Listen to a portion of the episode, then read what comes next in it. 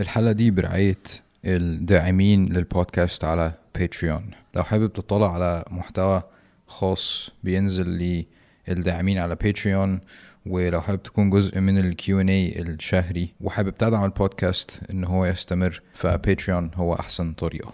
السلام عليكم ورحمة الله وبركاته. حلقة رقم 40 من هاز كاست آه إنجاز آه كويس الحمد لله. يعني 40 حلقة يعني عادة الناس اللي بتعمل اللي بتعمل بودكاست ما بيوصلوش آه يعني كنت فاكر إن أنا مثلا في سنة أو كده هوصل أكتر من كده بس الرقم ده كويس يعني مناسب الحمد لله لل...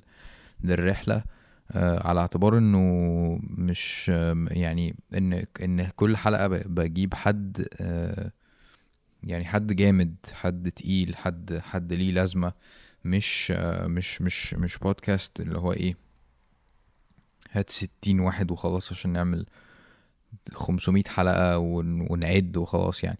ف... ف... فكل حلقة بتفرق معايا جدا وكل حلقة بستفيد منها جدا. آه والحلقة دي آه لا تقل آه أهمية عن آه بقية الحلقات.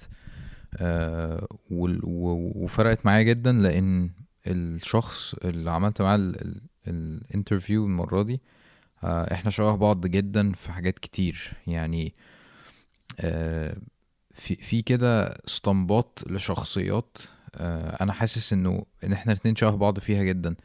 آه مثلا شخص آه شخص creative آه مش عارف بالظبط هو مجاله إيه بس بيعرف يعمل design وبيعرف يعمل آه أفلام وبيعرف يرسم وبيعرف ي... يعني يعني حاجات كتير skills كتير آه عنده. آه وطبعا لما بقول عنده لسه قايل إن هو شبهي فأنا قصدي إن أنا عندي برضو بس مش عايز أقول ده بشكل مباشر عشان ما حدش يقول إن أنا بتفزلك.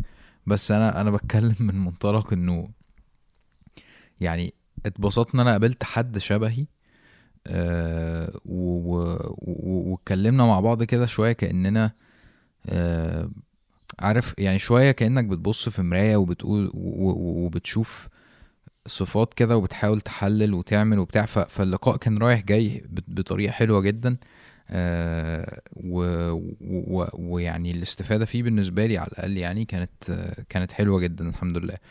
ال ال الشاب ده اسمه أنس طلبة آه هو أنا أنا مش عايز أوصفه بحاجة معينة لأنه اللقاء أصلا كان متمحور حوالين فكرة إنه إحنا عايزين نعبر عن نفسنا بالطريقة ال- الملائمة لينا.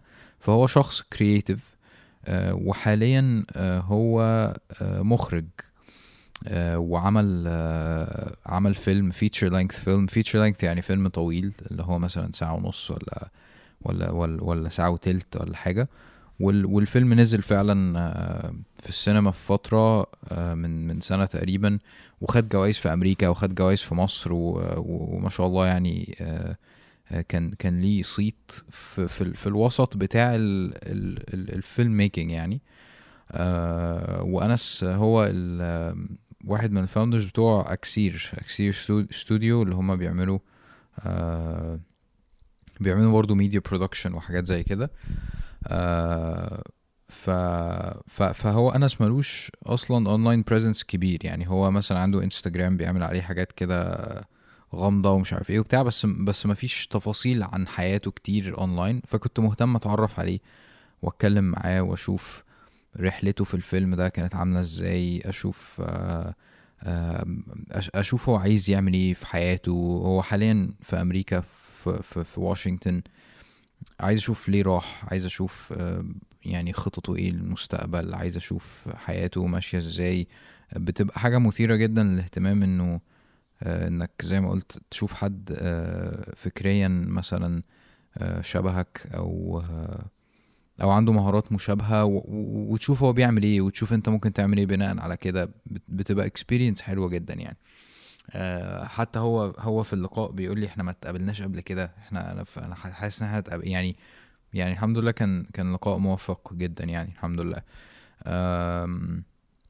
اللي فيكو مهتم بال بال filmmaking آه، حابب أستغل الفرصة دي آه، وأقول إنه أنا كنت عامل course عن ال storytelling آه مش مش ال filmmaking ككل storytelling إزاي تحكي قصة في يعني في, في المجال اللي أنت فيه عامة يعني لو لو أنت مثلا YouTuber فازاي تخلي المحتوى بتاعك متسلسل بشكل ما لو انت بتدي presentations لو انت عايز تتعلم ال storytelling عامة عشان تعرف عقل الناس بي بي بي بيتحرك إزاي بي إزاي ت persuade الناس. لو انت شغال في ال marketing الحوارات دي كلها آه، هتلاقوا link في ال description لل storytelling crash course بتاعي آه، وهتلاقوا عليه discount كمان إن شاء الله.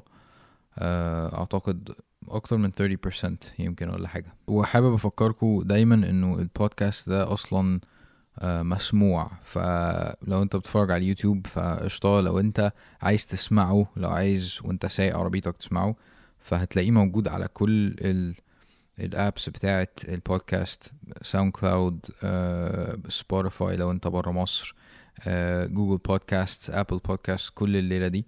وموجود طبعا على ال website بتاعي حازم dot TV دايما الحلقات بتنزل هناك. uh, و يلا نبتدي الحلقة. uh, ما تقوليش إنك بتسجل من ال بال بال اسمها إيه دي؟ بال Canon C200 آه ما عنديش غيرها الصراحة فما طب ما أنا كده هضطر آخد ال- الصوت بتاع ال- ال- الصورة بتاعت الزوم بتاعتك بقى. عشان مش هينفع كادرك أنت يبقى بتسجل يعني. بإيه دلوقتي؟ أنا بسجل بسو... ب Sony A6600 بس الكادر بتاعك آه. أكيد هيطلع يعني فاهم؟ والله بص مش شرط يعني عامة يعني حط عليها شوية color LUTs وبتاع و آه، فاهم؟ flare وخلاص الموضوع يبقى لذيذ يعني. flare بيحل أي مشكلة. أيوه أيوه. وهو غالبا خلي بالك غالبا الكادر بتاعي هيطلع out of focus أصلا يعني أنا يعني أنا بظبط ال focus وأنا قاعد فيعني فاهم دي هتشيل دي يعني. هي ما فيهاش dual pixel وبتاع؟ بص فيها بس أنا ما أعرفش ليه عشان يمكن أنا راجل كلاسيكي شوية ما بثقش في ال autofocus خالص. يعني ما بالنسبة لي زي ال auto drive كده يعني اللي هو أنا عمري ما هسيب العربية تسوق ولو حتى فاهم واخدة جوائز العالم بس مش هيحصل. ف... فبلعبها كروكي كده. عاش آه أنا كنت أصلا في, في قبل- قبل ما نبتدي تسجيل بقول لك أنا مبسوط إن أنت جبت آه، أهلك آه لأن أنا أنا عارف ان انت انت كنت منزل أصلا شورت آه أو أو أو micro film كده. على انستجرام بت بت آه. بتسمع voice message من ابنك أو بتسجل له voice message حاجة زي كده آه وبعدين كورونا السنين بقى ومش عارف فانا قلت أكيد انت مش متسوح لحد ال لا لا لا الحمد بص هو الحمد لله هو الفيديو ده هو بس كانوا في اجازة الصيف الشهرين بتوع الصيف في مصر. آه وأنا بره مصر ما عرفتش انزل والشغل وكده فهو بس هو الفيديو ده يعني هي الناس كتير فهمته ان أنا يعني متفرقين عن بعض والحمد لله الموضوع مش كده خالص بس في نفس الوقت يعني أنا بقيت هي دي طريقة التعبير بتاعتي عن اي حاجة أنا ببقى حاسس بيها هي ان أنا بعمل فيديو ما بعرفش اعمل حاجة تانية ما بعرفش اتكلم ما بعرفش اكتب ما بعرفش اعزف فاهم. فهو كان عيد ميلاده وأنا مش موجود معاه ودي تقريبا كان عيد ميلاده السابع ودي كانت تقريبا مثلا خامس سنة لسبب أو لآخر ما بقاش موجود في عيد ميلاده فاهم. فكانت هي دي الطريقة اللي أنا يعني عبرت بيها عن اللي أنا حاسه فاهم؟ بس هم الحمد لله جم بعدها بشهرين عادي وعادي بن- بنضرب بعض وهي كده يعني. مش مشكلة يعني. طب وهو شاف ال شاف الكليب وكان ليه. reaction ولا؟ بص هو شافه وأنا مش معاه فأنا ما أعرفش كان ال reaction بتاعه عامل إزاي يعني. فبس هو دلوقتي مثلا بنعمل مع بعض فيلم تاني أو فيديو تاني اسمه Book of Life Chapter 2 لأن كنا من حوالي خمس سنين أو أربع سنين عملنا Chapter 1 آه، كان برضو فيديو دقيقة كده دقيقتين. فهو دلوقتي بنعمل Chapter 2 مع بعض يعني. بس الصدمة اللي هصدمه بيها إن غالبا هغير اسمه مش هيبقى Chapter 2 ولا Book of هيبقى اسمه حاجة تانية خالص. فهو لما يشوفه هيقول لي طب فين Chapter 2 فهقنعه بقى إن هو ده بس اسمه حاجة تانية فهيتضايق. يعني هنعرف بقى نكتشف إيه اللي هيحصل. ربنا ي... ربنا يبارك لك فيهم ويجمعكم دايما على خير يا رب. يا رب إن شاء الله. آه، انت انت قلت قلت حاجة يعني في وسط كلامك دلوقتي قلت فيديو أو فيلم فأنا كنت عايز أنط على طول في في, في حتة كده. هل انت بتلاقي نفسك آه يعني أحيانا مش عارف تسمي الحاجة فيديو أو فيلم أو أنت مثلا بتتراب إنك تقول على الحاجة فيلم لحسن تكون ما تستاهلش المسمى ده؟ آه الأول آه الأول كان في كده تابو كده اللي هو أنت ما ينفعش تقول فيلم غير عن فيلم تمام؟ وأنا فاكر مرة من حوالي ست سنين خمس سنين عملت ميوزك فيديو لزاب كان اسمه ملعونة الشهرة. وكتبت في الأول فيلم لانس طلبه تمام؟ هي كانت افتكاسة الصراحة يعني قصدي هي كانت بصراحة يعني افتكاسة. الناس بقى كمية بقى آه، التريقة وبتاع يا عم أنت فاكر نفسك مين؟ يا عم ده بتاع فيلم إيه وبتاع فاهم؟ لكن دلوقتي بعد ما يعني عقلت شوية أنا شايف لو حد عمل كليب 30 ثانية بيحكي قصة معينة أو في مشاعر معينة أو في إحساس ما هو ده فيلم يعني هو فيلم بس قصير قوي. اللي بيفرق فيلم عن أي حاجة تانية أنا ش... أنا في وجهة نظري هي it's up to الشخص اللي بيعمله ذات نفسه يعني. ف الأول آه لأ كان في طبعا اللي هو الفيلم ده للمخرج والفيلم ده اللي فيه الممثل لأ هو فيلم بيحكي قصة وخلاص. أو حتى مش بيحكي قصة بيحكي إحساس معين. يعني حتى دلوقتي بدأت أبعد أبعد شوية عن حتة القصص وأروح لحتة المشاعر وحتة الأحاسيس اللي الواحد بيشوفها. هي دي الحاجة اللي في وجهة نظري بتخلي الحاجة فيلم أو أو لأ يعني. آه عايز افهم أكتر عن الحتة دي. يعني إيه يعني يعني إيه قصة versus احساس؟ مش فاهم. يعني هقول لك مثلا ال ال الفيد ال الفيديو اللي أنا عامله عملته من من خمس سنين اسمه Chapt Book of Life تمام؟ هو فيلم يعني هو فيلم قصير. آه، ده عبارة عن دقيقتين عبارة عن حوار ما بيني وبين إسماعيل.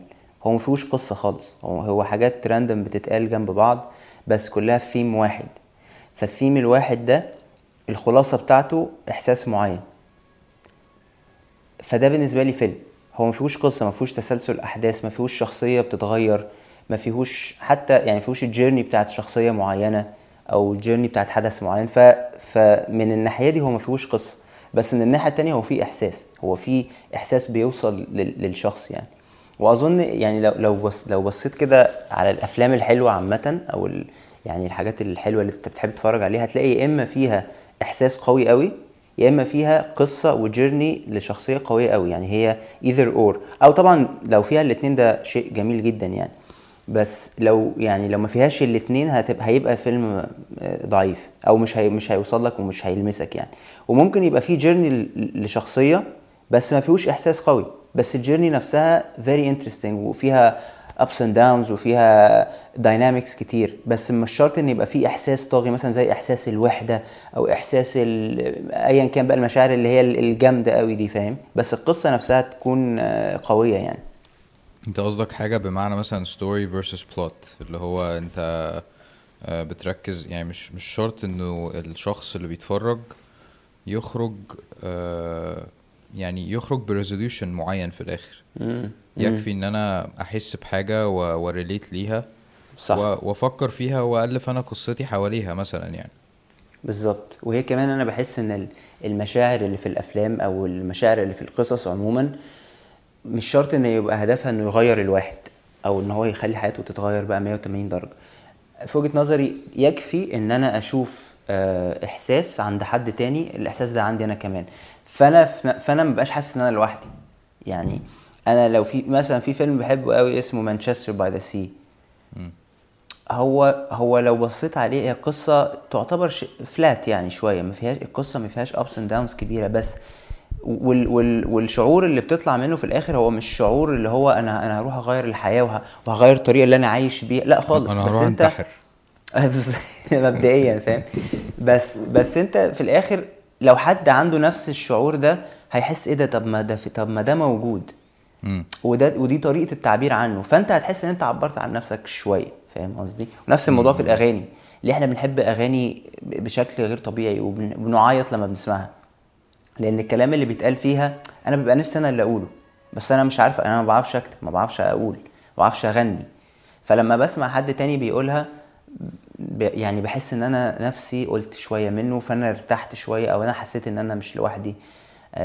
وده برضو يعني دي شوية shift في في ال mentality بتاعت الواحد لما بدأ يعمل video production أو كده اللي هو أنا عايز أعمل حاجة تغير العالم. ده كان كلام في الأول فاهم؟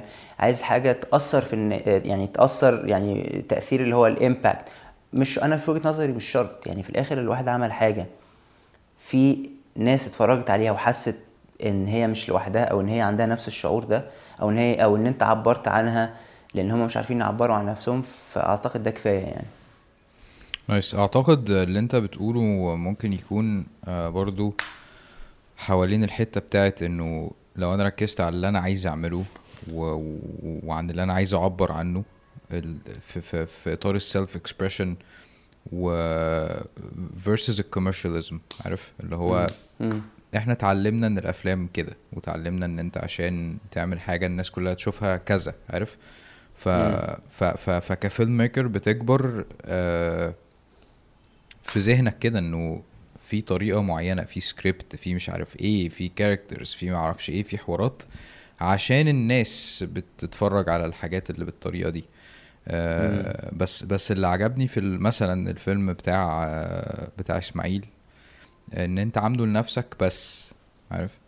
وإن أنت فعلا آه، أنا أنا أنا متخيل كده لأن في أنا بعمل حاجات زي كده برضو ل- ل- ل- ل- لبنتي ولمراتي وكده ومش ومش ب مش مش بحطها اونلاين أصلا عارف مم. بس it's it's extremely satisfying بالنسبة لي مم. فأنا متخيل مم. نفس الكلام لو ما كنتش نزلته أصلا انت أنت مبسوط صح. برضو صح آه ال- ال- ال- الحتة اللي أنت بتقولها دي حلوة قوي ومهمة جدا لأن أنا أعتقد إن الفيلم making process عامة هي أول حد المفروض تغيره هو الشخص اللي بيعمله ذات نفسه فاهم لأن هتلاقي ان مش مش شرط تغيره بس أكتر حد يحس بالتأثير بتاعه هو الشخص اللي بيعمله.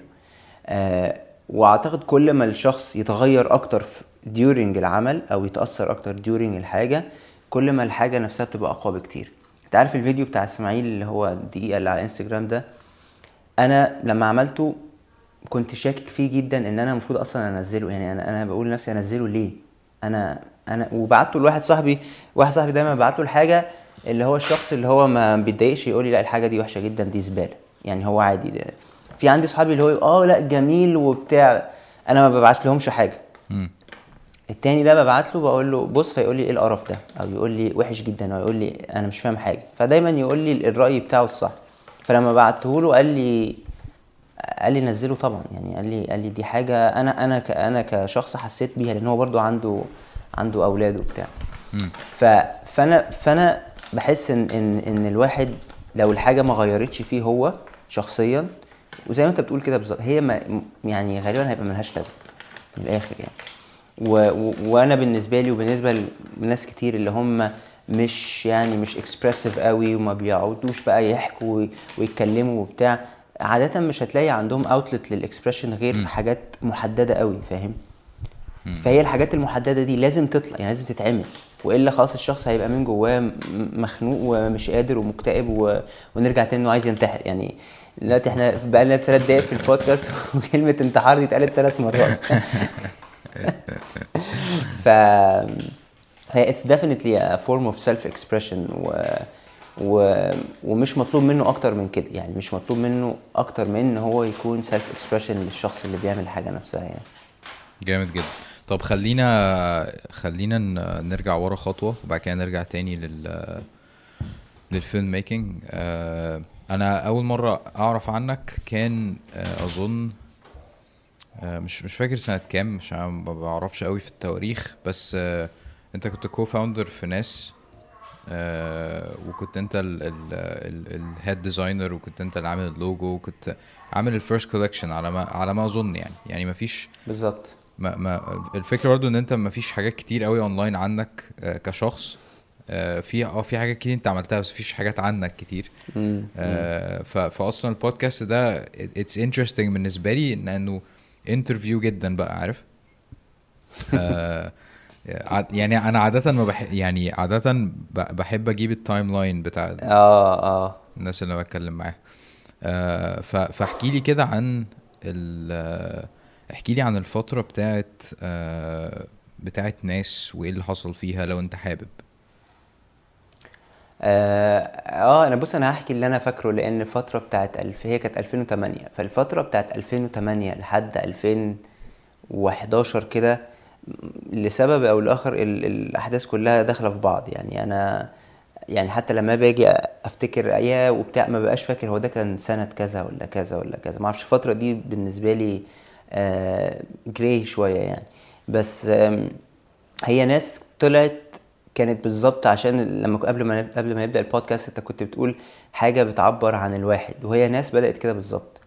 كانت الفكرة كنت أنا قاعد مع أحمد رضا صاحبي في مرة وبنتكلم على الموضوع ده اللي هو ما تيجي نلبس حاجة إحنا يعني يعني فعلا بن بتعبر عننا يعني. وده كان ال... ده كان يعني هي دي الفكرة المسيطرة على حياتي عامة إن الواحد يكون حياته ليها علاقة بيه هو كشخصية يعني. جميل جدا وكنت قبل ناس بدأت إن أنا كنت بحاول أعمل كام حاجة وطبعت كام حاجة كده مع نفسي يعني وأفكار ومش عارف إيه بس يعني كانت مجهودات فردية يعني عمرها ما كانت آه، حقيقية يعني ف وهي ناس طلعت من كده إن إحنا عايزين نعمل يعني براند لللبس بيعبر عننا. كجيل وكأشخاص وكأفكار وك... وكان ب... كنا بدأنا بفكرة العربي اللي هو إحنا عرب ومش عارف إيه فعايزين نعمل الحاجات اللي بتأثر علينا كعرب وهي ناس بدأت كده وفضلت كده لفترة كبيرة و... وكانت آه، بالنسبة لي تجربة expression بشكل تاني. يعني أنا أنا أعتقد طول عمري بحاول أدور على الطريقة اللي أنا أقدر اكسبرس بيها نفسي. الأول كنت فاكر إن هو fashion بعد كده بدأت في الفيلم making بعدين برجع تاني لل fashion دلوقتي. بس هي في الآخر كلها بالنسبة لي كشخص يعني هي هي بترجع لحتة ال self expression يعني الواحد يعبر عن نفسه. لسه لسه امبارح بالصدفة يعني كنت بفكر في موضوع ال fashion وكده.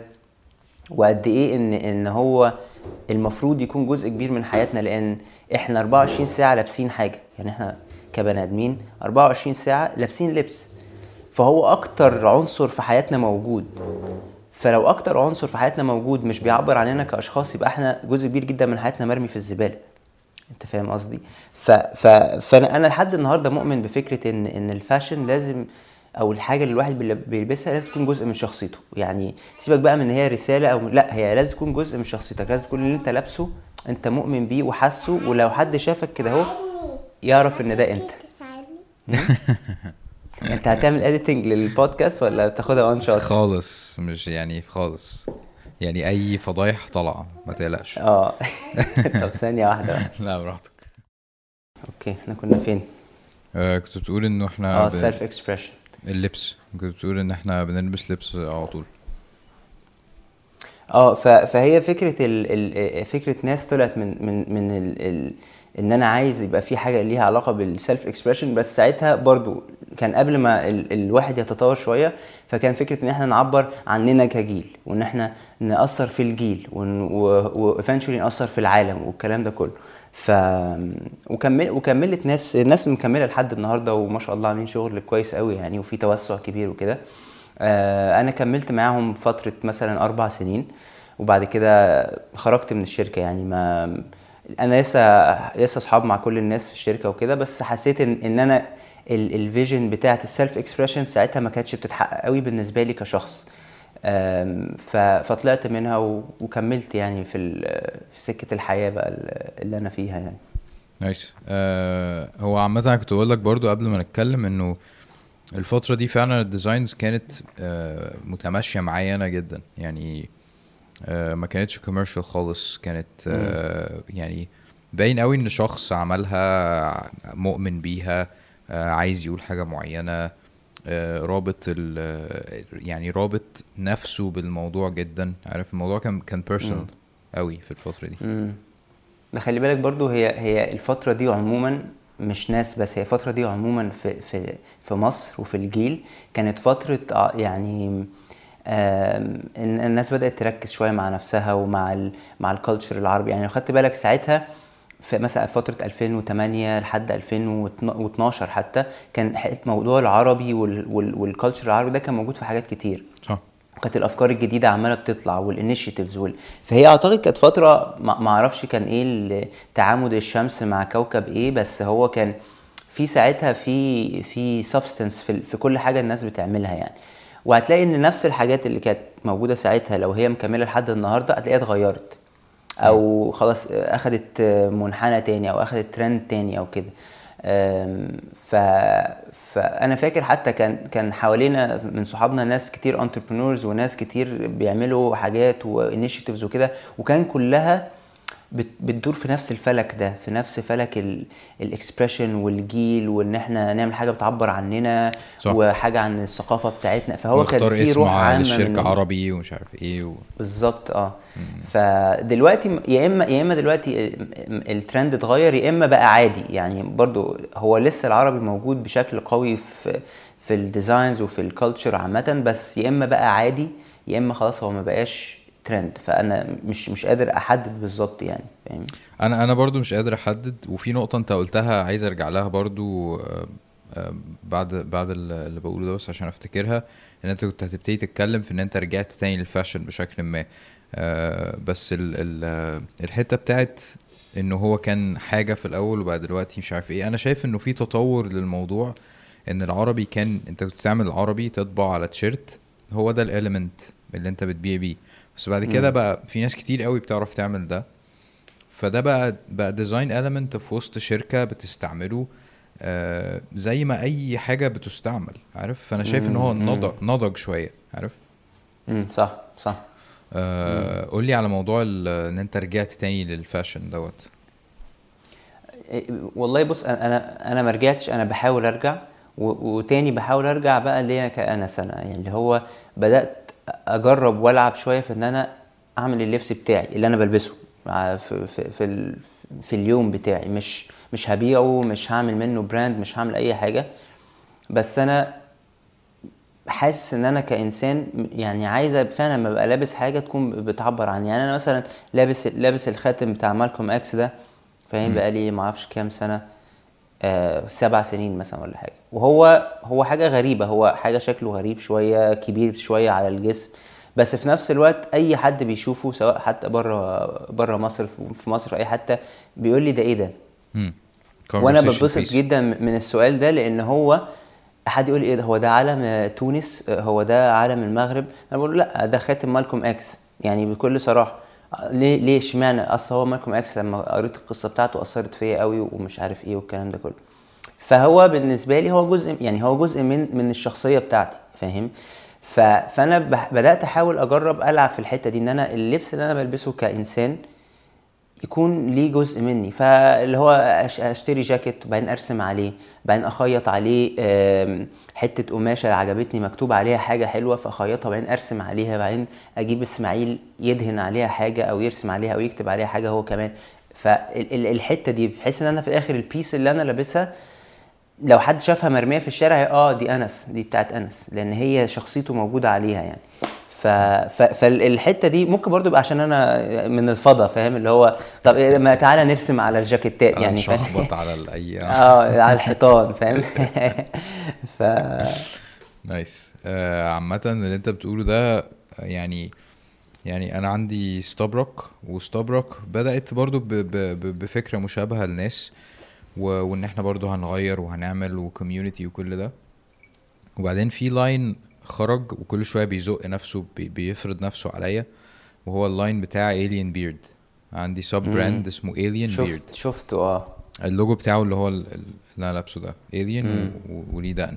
فده حتى يعني طبيعي إن أنت في الشركة معاك team كل ما بتيجي تعمل design الناس بتقعد تفكر معاك ومش عارف إيه وبتاع وبتتأثر بال audience ف alien beard ده أي design أنا بعمله وبلاقي بلاقي فيه ذرة اعتراض هاتوا alien عارف؟ أنا أنا عايزه ليا. تمام أيوه أيوه. بالعند بقى بالظبط. ومش فارق معايا خالص بقى الايه ال sales مش فارق معايا ده ده دي بتاعتي. وخلاص. فاهم. قصدي؟ أنت هو alien عشان غريب؟ يعني عشان غريب؟ بالظبط. اللي هو مع نفسه خالص وعنده دقن عشان يعني أنت يعني من الآخر. هو ده أنت فاهم؟ بالظبط كده. آه،. حلو. ده هتلاقيها برضو في الشارع هتعرف إن ده فاهم؟ إن ده حازم حلوة بشكل مم. nice انت انت درست إيه أصلا؟ أنا أنا درست marketing في جامعة أمريكية وبعد ما اتخرجت حاولت اشتغل شوية في ال marketing بس فشلت فشل ذريع. يعني قعدت في خلال سنة ونص غيرت ست شركات. امم wow. كنت دايما بقول آه أصل الشركة دي بعيدة أصل الشركة دي مش عارف أصل الناس ال team مش حلو أصل بس هو في الآخر كانت أنا المشكلة فيا أنا فاهم؟ أنا مش عايز أشتغل في ال marketing يعني. ف يعني بعد يعني وأنا شغال كنت بدأت ناس يعني وأنا شغال في ال marketing كنت بدأت ناس فهي كانت on the side بعدين لحد ما الشغل في ناس كتر شوية فاضطريت اسيب مش اضطريت الحمد لله سبت الشغل الشركة اللي أنا كنت فيها وكملت في ناس. وأنا في ناس بدأت أكسير وكانوا الاثنين ماشيين مع بعض لكن لما الشغل في أكسير كتر شوية فاضطريت أسيب ناس عشان أركز في أكسير. فكانت يعني إيه حاجة بتسلم حاجة يعني. مم. أنت اتخرجت سنة كام؟ 2009 2009 يعني أنت مواليد آه، كام؟ أر- 85 84 لا لا سبعة 87 في إيه 87 في أوكي؟ أنا فاهم بتشعبط في ال 33 دي. على قد ما أقدر يعني. أصل أنا يعني بحسبها على هندسة في خمس سنين فب يعني بحاول أقرب اللي هو أنا كنت المفروض أتخرج 2010 اتخرجت 2013 فآه انت أنت أكبر مني بسنة. لا يعني أنت دخ... أنت دخلت آه، 2005 الجامعة 2005 مظبوط. آه، أنا كمان أنا 2005 okay. بس أنا خ... يعني أنا خلصت الجامعة في يعني ثلاث سنين ونص يعني. آه okay. ف حلو. يعني اتخرجت أول 2009 مش آخر 2009 امم okay. آه طب قول لي كده يعني أنت في ال... يعني كان في كده يعني traffic كتير حاصل على ما يبدو في الفترة دي فأنت كان في ناس وكان في أكسير يعني إيه اللي بدأ الأول؟ إيه اللي حصل في, ال... في الوقت ده؟ هي ناس بدأت الأول ناس 2008 أكسير بدأت officially 2010 آه، في الفترة دي. وأكسير هي بدأت بالصدفة البحتة. يعني هي أكسير يعني عارف لما حد يتكعبل وإيه ده طلعت أكسير فاهم؟ يعني هي مح... أكسير هي فعلا طلعت بالصدفة. كانت آه، آه، يعني واحد أنا وجرا أنا عبد الرحمن الجراني قرايب يعني فنعرف بعض من ساعة ما اتولدنا يعني. هو co-founder أكسير. جه حد يعرفه في جام في عين شمس هندسة عين شمس عنده event وعايز يعمل فيديو ي promote ال event تمام؟ هو عبد الرحمن عارف إن أنا يعني كنت وأنا في الجامعة بصور سكتشات حاجات هبلة يعني مش بصور قوي بس كنت بعرف أمسك كاميرا يعني. فقال لي طب ما تيجي نعمل لهم الفيديو, الفيديو ده عشان هو كان معاهم يعني في الجامعة. قلت له ماشي يعني. فقال لي وفي ولد كده شاب لطيف قوي كده بيقول شعر ومش عارف إيه اسمه أحمد ثروت. هم عايزين معاهم في الجامعة وبتاع وعايزينه يعمل لهم حاجة كده موضوع عشوائي جدا. فقلت له ماشي مين أحمد ثروت ده؟ وهو هو أحمد زاب يعني كان مش ولا حد يعني ما كانش لسه عمل أي حاجة يعني. فاستلفت كاميرا من واحد صاحبي ما كنتش عارف أستخدمها إزاي مش عارف أدوس على إيه. كانت كانون 7D ساعتها. فعلا مش مش عارف هي مش عارف بعمل بيها إيه. أول مرة أمسك DSLR في حياتي يعني. قبل كده كنت بصور بال handycams اللي هم فيهم الشريط الصغير دول. فصورنا له music video للأسف موجود لحد النهارده اونلاين يعني. آه، حاجة يعني لا حاجة تانية يعني يعني حاجة تانية خالص يعني. وصورناه عملت له editing ومش عارف إيه وشافوه إيه ده الله حلو جدا وإيه ده ده فظيع ده جميل وكده. فبعدها أنا وعبد الرحمن الجرواني وبعدين جبنا معانا واحد صاحبنا تالت عبد عبد الرحمن خضر قلنا طب ما تيجي كده نجرب في في الموضوع ده ونعمل أغاني وبتاع ونشت... وكده يعني for fun يعني. ففعلا عملنا أغنية تانية بعدها. بعدين قلنا طب ما تيجوا بقى في الأغنية اللي جاية اللي هنعملها نحط لوجو كده أي اسم في الآخر. فأنا اقترحت أكسير ستوديو. كان أكسير ستوديو ده اسم أنا بفكر أعمله لحاجة تانية ليها علاقة بال design. يعني أنا ولما لما خرجت من الناس أو أنا كنت بخرج من الناس كان عندي فكرة إن أنا أعمل design studio لل designs العربي. طبعا كانت فكرة فاشلة يعني الحمد لله أنا ما كملتش فيها بس كان اسمه ساعتها اكسير ستوديو فخدت الاسم و... وقلت لهم طب في اسم جاهز لو عايزين عارف اللي هو أهو الحلو ده خد. آه ف... ف وخدنا الاسم ده وحطيناه وخلاص يعني وبدأنا نا... كنا بس بنعمل أغاني ما كانتش الشركة هي كنا بنعمل أغاني عشان إحنا بنحب نعمل أغاني. وفي ناس حوالينا زاب عرفنا على مش عارف فريق أسفلت وبعدين عرفنا على كايروكي فبنعمل لهم أغاني. لما بقول بنعمل لهم أغاني اللي إحنا معناها معانا كاميرا 5 550 دي اللي هي التي 2 آي وبس. يعني ما في وعدسة 50 مللي فقط لا غير. مم. عملنا ثلاث أغاني بالمنظر ده. كان وقت الثورة وقت 2011 فكانت الحاجة بتنتشر بسرعة. فالناس شافت الحاجة آه، مش فايرل يعني بس الحاجة انتشرت. فمش عارف حد يكلمني يقول لي طب أنا عندي أغنية عايز أدفع فيها 7000 جنيه. تمام. مش عارف إيه آه، يعني فالموضوع بدأ فعلا بالصدفة آه، لما بدأ يجي لنا شغل بفلوس اللي هو 7000 جنيه و5000 جنيه وكده ساعتها اللي قلت خلاص بقى أنا هسيب بقى ناس وأتفرغ للعالمية بتاعت آه، بتاعت ال ال ال الإخراج يعني. ف فبس يعني دي دي دي الاوفرلاب جه من هنا يعني. ماشي يعني انت شفت في وقتها ان في عالمية حتمية هتحصل في الموضوع. طبعا طبعا زي ما انت شايف اهو فاهم؟ nice جامد جدا. آه طيب ال يعني يعني أكسير ما أنا محتاج أعرف أنت جبت الاسم إزاي برضو. بعيدا عن أنا قصدي الاسم نفسه يعني. آه أنا ب... أنا بحب الأسامي الصراحة ما وأنا جدا. أنا أنا أنا بحب الأسامي والحاجة الوحيدة اللي أنا شاطر فيها في حياتي إن أنا أجيب أسامي. nice يعني في شركات كتير عايز أسلم. عليك بس مش عارف يعني إيه؟ عايز آه. اسلم يعني جدا فأنا بسمي أي حاجة في حياتي أصلا. صح ما هي بص الين بيرد فهي كده. ما طب وحد ما هي المشكلة بقى لما حد يسألك طب ليه الاسم ده؟ ما هو غالبا ما بقاش فيه إجابة. يعني هو كده. هو يعني فعلا أكسير ده إحنا قعدنا نفكر بعد كده في إيه الإجابة اللي هنقولها للناس لما يسألونا يعني إيه أكسير. لأن هو في الأصل هو يعني الأصل ملوش معنى. بس هو صوته حلو أكسير. وجاية شوية من إكسير. بس إكسير صعبة في ال English فخلاص هرفع ال- الهمزة فوق فتبقى أكسير. واهزي بقى يعني فاهم؟ ف فأنا أنا بحب الاسماء يعني ناس فاهم؟ وخلاص قشطة فاهم؟ آه قبيلة بيكسونال آه post office يعني كل دي يعني قشطة حاجات يعني ف... فهو اكسير جه من كده. هي فكرة الإكسير الحياة بس ارفع الهمزة فوق وعشان الناس تعرف تنطقها وصباح الفل. يعني ملهاش علاقة بال... ولا بال film making ولا بال design ولا بأي حاجة فاهم؟ ف يعني هي ملهاش أي منطق الصراحة. nice هو ده بالظبط ولعلمك- ال- آه. يعني أكسير عمل لنا يعني كان كان كان يعني كان issue كبيرة بعد كده في ال branding طب واللوجو ومش عارفين نعمل عليه لوجو لأن الحروف بتاعته غريبة وجبنا ايجنسي فاهم؟ بس ده يعني مثلا من من قريب يعني. جبنا حد فاهم؟ ايجنسي كبيرة في دبي عشان تعرف تعمل لنا لوجو ينفع مع الاسم الصعب اللي يعني يعني هو عارف واحد قاعد بيهزي بالليل فجأة لبس الناس كلها في الحيط يعني عشان أنا فاكر ال- البتاع كان مراية يعني كان آه. مش لوجو كان في poster كان موضوع. nice آه أنا انت, أصلا ذكرت نقطة حلوة جدا. آه أنت أنت جبت محمد سمير مش كده؟ أيوه بالظبط.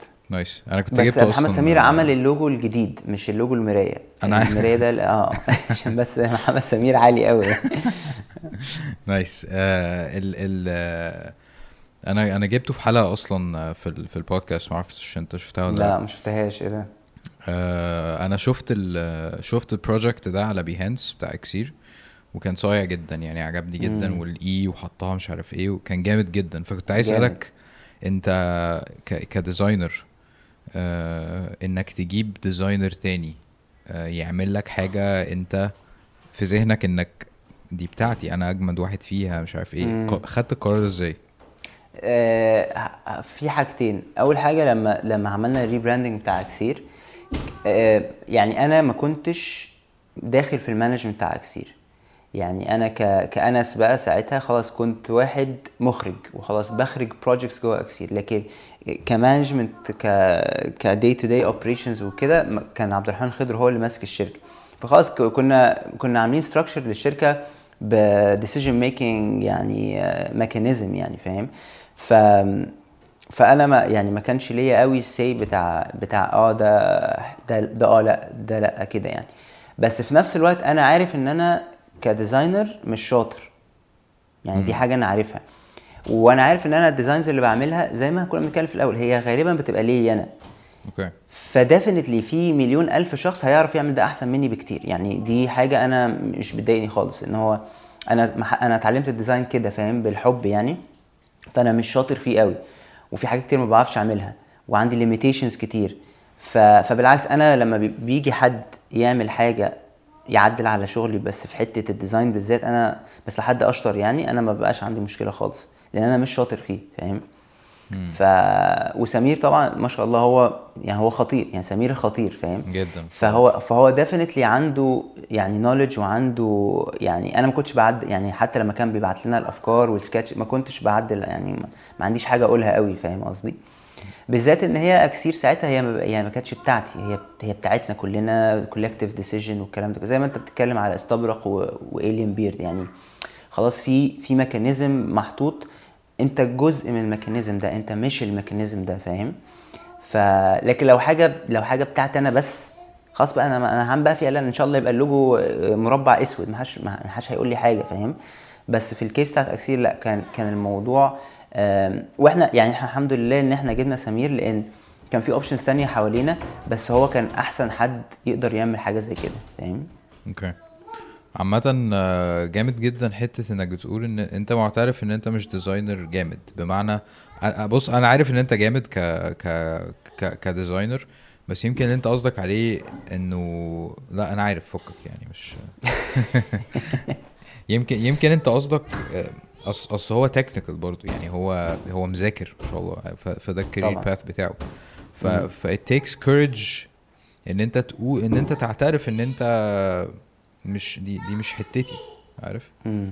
مش مش سهلة وأنا أنا بمر بيها أصلا الأيام دي فعلا. يعني حاليا في talks إن إحنا محتاجين strategic decision إن إحنا ن rebrand أو نعمل refresh أو مش عارف إيه. فاللي هو يا جدعان لأ دي بتاعتي أنا اللي مش عارف إيه أنا أجمد واحد وبتاع. وأنا من جوايا عارف إن أنا برضو زي ما أنت قلت بالظبط هي جت كده برضو عارف؟ هي كمان بحس إن أنا أنا ممكن أعمل designing لحاجات بتاعتي. بس مثلا لما حد يطلب مني ممكن تعملي design لكذا ما هو أنا بتبانك. مش هعرف أعملها بدماغك لأن أنا هعملها بدماغي أنا. يعني كتير ناس تطلب مني logos وحاجات زي كده. فقبل ما أعمل أي حاجة أقول له بص أنا هعمل واحد يعني أنا هعمل لوجو واحد مش ثلاثة options و iterations وبتاع. أنا الكلمة اللي هتقولها لي أو اسم ال brand أنا هشوف هو بالنسبة لي شكله عامل إزاي وهديهولك مش مش اللي هو بقى طب ممكن بقى تغير لي دي؟ أنا مش هعرف أغيرها. يعني هي طلعت مني كده. وده اللي موجود يعني مش مش مش بتبقى تناكة بس اللي هو هو أنا فعلا ما, ما عنديش ال flexibility إن أنا أقعد أغير ما بعرفش فاهم؟ هي بتيجي لي فكرة أعملها خلاص هو ده اللي أنا شايفه للوجو وطلع من جوايا. فأنت ك client بقى هتتعب معايا في الحتة دي يعني. عايز تنقذ ال آه. ثانية. انت إيه اللي خلاك تروح؟ انت في بوسطن ولا في أنا في أمريكا في فيرجينيا يعني جنب دي سي يعني ف مم. ف بقالي هنا دي تاني سنة يعني. ال... إيه سبب النقلة دي؟ لو ما عندكش مشكلة تقول يعني. أم لو ما عندكش مشكلة تسمع يعني. أم ما بص هو السبب إن أنا سافرت من مصر هو بس فكرة ال- التجربة. يعني أنا عايز أجرب إن أنا أخرج شوية بره جو مصر. حسيت إن أنا في آخر مثلا ثلاث سنين آه، كل حاجة بقت زي بعض بالنسبة لي آه، على المستوى الشخصي وعلى مستوى الشغل وكده. وحسيت إن أنا يعني محتاج أجرب حاجة جديدة محتاج أجرب حاجة جديدة كأنس وكعيلة. ف أنا الحمد لله كان عندي ال- ال- ال- المقدرة كورق وكده إن أنا أسافر. ف... فحسيت إن أنا يعني دي فرصة إن أنا أسافر. لو ما سافرتش دلوقتي ممكن ما أعرفش أسافر تاني يعني. ف... فكان قرار السفر. هو فعلا فعلا من من باب التجربة وإن الواحد طيب يطلع بره شوية ال... الروتين اللي هو عايش فيه أو ال... الانفايرمنت اللي هو عايش فيه ويشوف لو ده هي عايز أشوف لو ده هيغير فيا حاجة ولا لأ يعني بكل بساطة يعني. عارف أنت اللي هو ال- ال- المقولة اللي بيقول لك مش عارف إيه تحرك فإنك لست شجرة حاجة زي كده. مش عارف, أنت الحوار ده. فحسيت إن أنا ماشي مش مبسوط وفي حاجات كتير مضايقاني وأنا مش مش بنجز ومش بت كذا كذا. طب ما- ماشي خلاص غير الانفايرمنت اللي أنت فيه. لو أنت قادر وشوف ده هيف- هيفرق ولا ولا لا. ولو ما فرقش يبقى خلاص بقى شوف بقى. يعني ما أعرفش يعني ساعتها هيبقى إيه بس يعني على الأقل عملت اللي عليا يعني. ف. فهي تجربة مختلفة جدا طبعا طبعا عن العيشة في مصر. وأنا في وجهة نظري هي أصعب من العيشة في مصر بكتير. مش بس أصعب هي أصعب بكتير. على مستويات كتير على مستوى الشغل وعلى مستوى العيلة وعلى مستوى الفلوس وعلى مستوى المصاريف وكل الكلام ده. هي تجربة صعبة قوي صعبة قوي يعني. فبس في نفس الوقت أنا مقتنع إن هي علشان تجربة صعبة فهي تجربة مفيدة. امم ف بس يعني الحمد لله. آه صعب عشان انت ما كنتش عارف انت هتعمل إيه بالظبط لما تروح. ده جزء منه. الدنيا هنا في المجال بتاعي والدنيا هنا عموما طبعا بس قصدي عشان أنا حاولت أدخل في المجال بتاعي. مختلفة 180 ألف درجة عن المجال في مصر. يعني في كل حاجة في كل تفصيلة في الحياة. في طريقة الشغل في نوع الشغل اللي بتعمله في. آه انت بتسوق نفسك إزاي؟ انت بتتكلم مع مين؟ بتتكلم إزاي؟ بتقول إيه؟ ما بتقولش إيه؟ بتشتغل في إيه؟ يعني الموضوع هو عالم تاني عالم تاني يعني مثلا من أبسط الحاجات من أبسط الحاجات يعني ان هنا طبعا سيبك من هوليوود يعني ما فيش حد بيروح يشتغل في هوليوود بس قصدي عموما واحد زي اللي هو عادي بيعمل فيديوهات وبتاع يعني مش مش حاجة فظيعة. هنا انت ما فيش ما فيش حاجة اسمها ان انت مثلا مخرج مخرج بس. لا انت عادي هنا ممكن تنزل مرة مثلا فاهم؟ تبقى اسيستنت كاميرا مثلا. تبقى مرة editor في حاجة. يعني الفكرة دي عادية. في مصر هي مش عادية. okay. هي مش عادية إن واحد لو واحد مخرج ينزل حاجة تانية غير إن هو مخرج. وفي مصر ما ينفعش إن أنت مثلا لو كمخرج وصلت ل- لدرجة معينة أو ل- لطريقة طريقة شغل معينة ما ينفعش تنزل عنها. أنت لازم تفضل دايما بتطلع. هنا مفيش الكلام ده. هنا مفيش ده خالص. فاهم؟ ده لو انت عايز ت survive وتعيش وتشتغل وتعمل portfolio وتقابل ناس وكده فاهم؟ آه ممكن تقول خلاص أنا هشتغل مخرج وخلاص وماليش دعوة بس يعني إيه ربنا معاك بقى فاهم؟ بس ده برضو من التجربة ممكن تكون التجربة بتاعتي مغلوطة أو فيها مشكلة حصلت فيها بس هو ده اللي أنا شايفه عندي وشايف كل الناس اللي حواليا والناس اللي أعرفها إن هو في الآخر ما فيش حاجة اسمها أنت مخرج بس خالص دي دي مش موجودة أصلا. ف فال mindset ده عشان يتغير بالنسبة لي أخد فترة أخد مجهود وأخد يعني يعني فكرة إن أنا عادي ممكن أنزل أعمل حاجة أنا كنت بعملها مثلا من 20 س- من 10 سنين فاهم؟ أو إن أنا أنزل أشتغل بطريقة خلاص أنا بطلت أشتغل بيها فعلا فعلا من سبع سنين يعني أنا ما بعملش ده خالص يا جماعة بس لازم أعمله. ففيها أنا شفتها فيها تربية للنفس جامدة قوي قوي يعني. وفكرة إن أنت تتخلى عن كل حاجة أنت عارفها وتبدأ من الصفر تمام. ما عنديش أي مشكلة فاهم؟ ف فأخدتني فترة شوية على ما أتعود وأتأقلم وأفهم وكده و... ف وأنا يعني أنا بدأت يعني أنا فعلا في أنا بعتبر نفسي بدأت هنا من الصفر مش قصدي اللي هو محمد هنيدي في همام في أمستردام لا قصدي في المجال في المجال بتاعي بدأت من الأول خالص وبس ما عنديش مشكلة يعني أنا ما مبسوط يعني لأن أنا في- لأن بقعد كده أرفلكت وأشوف الحاجات اللي كنت بعملها زمان خالص في أول أكسير ومش عارف إيه كنت بحبها جدا. يعني أنا كنت بحب أمسك كاميرا وأنزل و... و... ونهصل إحنا وجرواني وخضر ونقعد نجرب ونعمل ون... ونجيب حاجة ون- ونوفر. يعني دي كانت حلوة تجربة حلوة. واللي أنا أصوره وأنزل أديت وأنزل أكلر وأعمل كل حاجة بنا... كانت لذيذة فاهم؟ فلما لفت الدايرة تاني ورجعت اعمله أعمله هنا تاني بس given ال experience اللي عندي فبقيت مستمتع بيه ك- يعني بقيت مستمتع بيه برضه فاهم؟ ودايما أقول إن كأن هو ده اللي أنا أصلا كنت عايز أعمله طول حياتي يعني فاهم؟ فيعني أنا قبل ما أجي أمريكا على طول أخرجت فيلم في مصر اللي هو فيلم بين ب... فيلم بين بحرين. ونظريا المفروض لما واحد يعني يخرج فيلم خلاص دي تبقى نقطة في ال career بتاعه أو في حياته نقطة حلوة يعني نقطة. بس أنا لسبب أو لآخر ال- إخراج الفيلم ده ما ادانيش ال satisfaction اللي أنا كنت منتظره منه خالص. ما حسيتش طب أنا أخرجت فيلم بس أنا يعني أنا زي ما أنا مفيش أي جديد بالنسبة لي. ف أنت من جوه ولا ال... ولا اللي حواليك؟ إيه؟ أنت من جوه ولا اللي حواليك؟ يعني تلقي لا من جوه لا من جوه. يعني من جوايا أنا ما حسيتش إن أنا أخرجت فيلم. فاهم؟ فحسيت طب لا ثانية واحدة هو أنت بعد ما تخرج فيلم اللي هو ال- ال high point بتاع ال career بتاعك هتيجي تقول لي أنت مش حاسس إن أنت أخرجت فيلم؟ يعني بطل استهبال بقى فاهم؟ ف ف فلما دي ال high point جه بعدها فكرة إن أنا بدأت من الصفر فشفت الفرق بين الاتنين فقلت لا طب أنا أنا عاجبني ده دلوقتي أكتر. يعني عاجبني فكرة إن أنا أعمل حاجة بإيدي وأبقى أنا لو أنا وواحد كمان بس في ال project كله مش 200 واحد. و...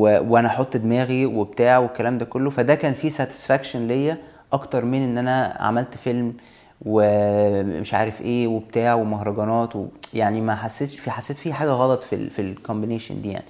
ف ف... فبس. فهي فهي بالنسبة لي هي برضو فترة إيه استكشاف إعادة استكشاف هو الواحد عايز إيه أصلا من من من حياته. فاهم قصدي. يعني وبرضو أنا أنا داخل على 33 سنة. وأنا طول عمري أصلا يعني مش يعني طول عمري سوداوي شوية فأنا حاسس إن أنا لو ده أنا لو أنا دلوقتي مش عارف أنا عايز إيه أو لو أنا مش هتجيلي الفرصه دي تاني يعني خلاص يعني ما هفضل مكمل في career الإخراج ومش عارف إيه وأنا أصلا مش مستمتع بيه أو أنا مش بعمل حاجة فيها self expression صح أو كده يعني طب هعمل كده إمتى فاهم؟ فالحمد لله جت فرصة السفر مع فرصة إن أنا بدأت من الأول مع فرصة كل حاجة إن أنا إيه يعني يعني. أصفي ذهني كده بالظبط re-evaluate كل حاجة و... وأبدأ من الأول عشان أعرف بالظبط أنا عايز أعمل إيه فاهم؟ آه، أنت قلت حاجات كتير أنا ب relate ليها بس أنا والحوار ال- ال- ال- الحوار ده عندي بس أنا بتساءل أنا بس بسألك وبسأل نفسي يعني. آه، يعني رغم إن إحنا عارفين إنه مش مش لازم نحط على نفسنا pressure إن إحنا لازم نلاقي الحاجة عارف؟ بس برضو إحنا بندور عليها. صح. هي هي في اعتقد في حاجتين يا حازم. إن الواحد يلاقي الحاجة وإن الواحد يبقى بيدور على حاجة. أصلا فكرة التدوير هي حلوة. يعني إن أنت قاعد بتدور دي حلوة. لأن في ناس ما هم يعني في ناس ما بيدوروش خلاص. هي فاكس. أنا هنا وخلاص في ايا كان في الشغلانة بتاعتي في في الشركة اللي أنا فيها وخلاص يعني وخلاص. فأنا شايف مرحلة إن الواحد بيدور دي في حد ذاتها لذيذ يعني في حد ذاتها هو already عمل إنجاز فاهم. إن أنت بقى تلاقيها أو لأ that's not the point. okay. يعني أنا حاسس إن هي it's not the point لأن it- you might not find it فاهم؟ يعني عاد غالبا مش هتلاقيها. بس along the way هتلاقي إن أنت لأ دي مش حلوة دي ما عجبتنيش. والله دي أقرب شوية للي أنا عايزه. والله آه حلو الحوار ده لما عملته كذا طب أنا عايز أبقى أعمله تاني بعد سنة وهكذا. فأنت هتكون بتكتشف حاجات أكتر عن عن أنا برضو بقول الكلام ده لنفسي بصوت عالي يعني فاهم؟ فيمكن هي دي بقى الكولكتيف بتاع ال- الحاجات دي هي دي الحاجة فاهم؟ مش شرط إنها تبقى الحاجة في حد ذاتها. يعني. أنت عارف آه، تايكا وايتيري المخرج؟ امم امم ده ب- أنا بحبه جدا. آه، كان آه، متهيألي أنت شفت التيدك التيدك ستوك بتاعته؟ لا ما عايز أبقى أشوفها دي. آه، قال قال كلمة فرقت معايا جدا جدا. هو أصلا awkward جدا وطالع مش عارف يتك... يعني هو يعني شخصية عجيبة جدا. فطالع في الأول يقول لك إن أنا في فترة في حياتي كنت artist وعرض شوية لوحات كده ضلمة وحاجات ملعونة كده وحاجات عجيبة كده فاهم؟ وشياطين وحوارات. وبعد كده مش عارف كنت مش عارف designer ما أعرفش إيه ودلوقتي أنا مخرج كويس؟ فقال لك creativity is my job مش إن أنا أبقى كذا أو كذا. وأنا موجود هنا عشان أعبر عن نفسي. عارف. فما حسيتش خالص إن هو ملزم نفسه بإطار صح. معين.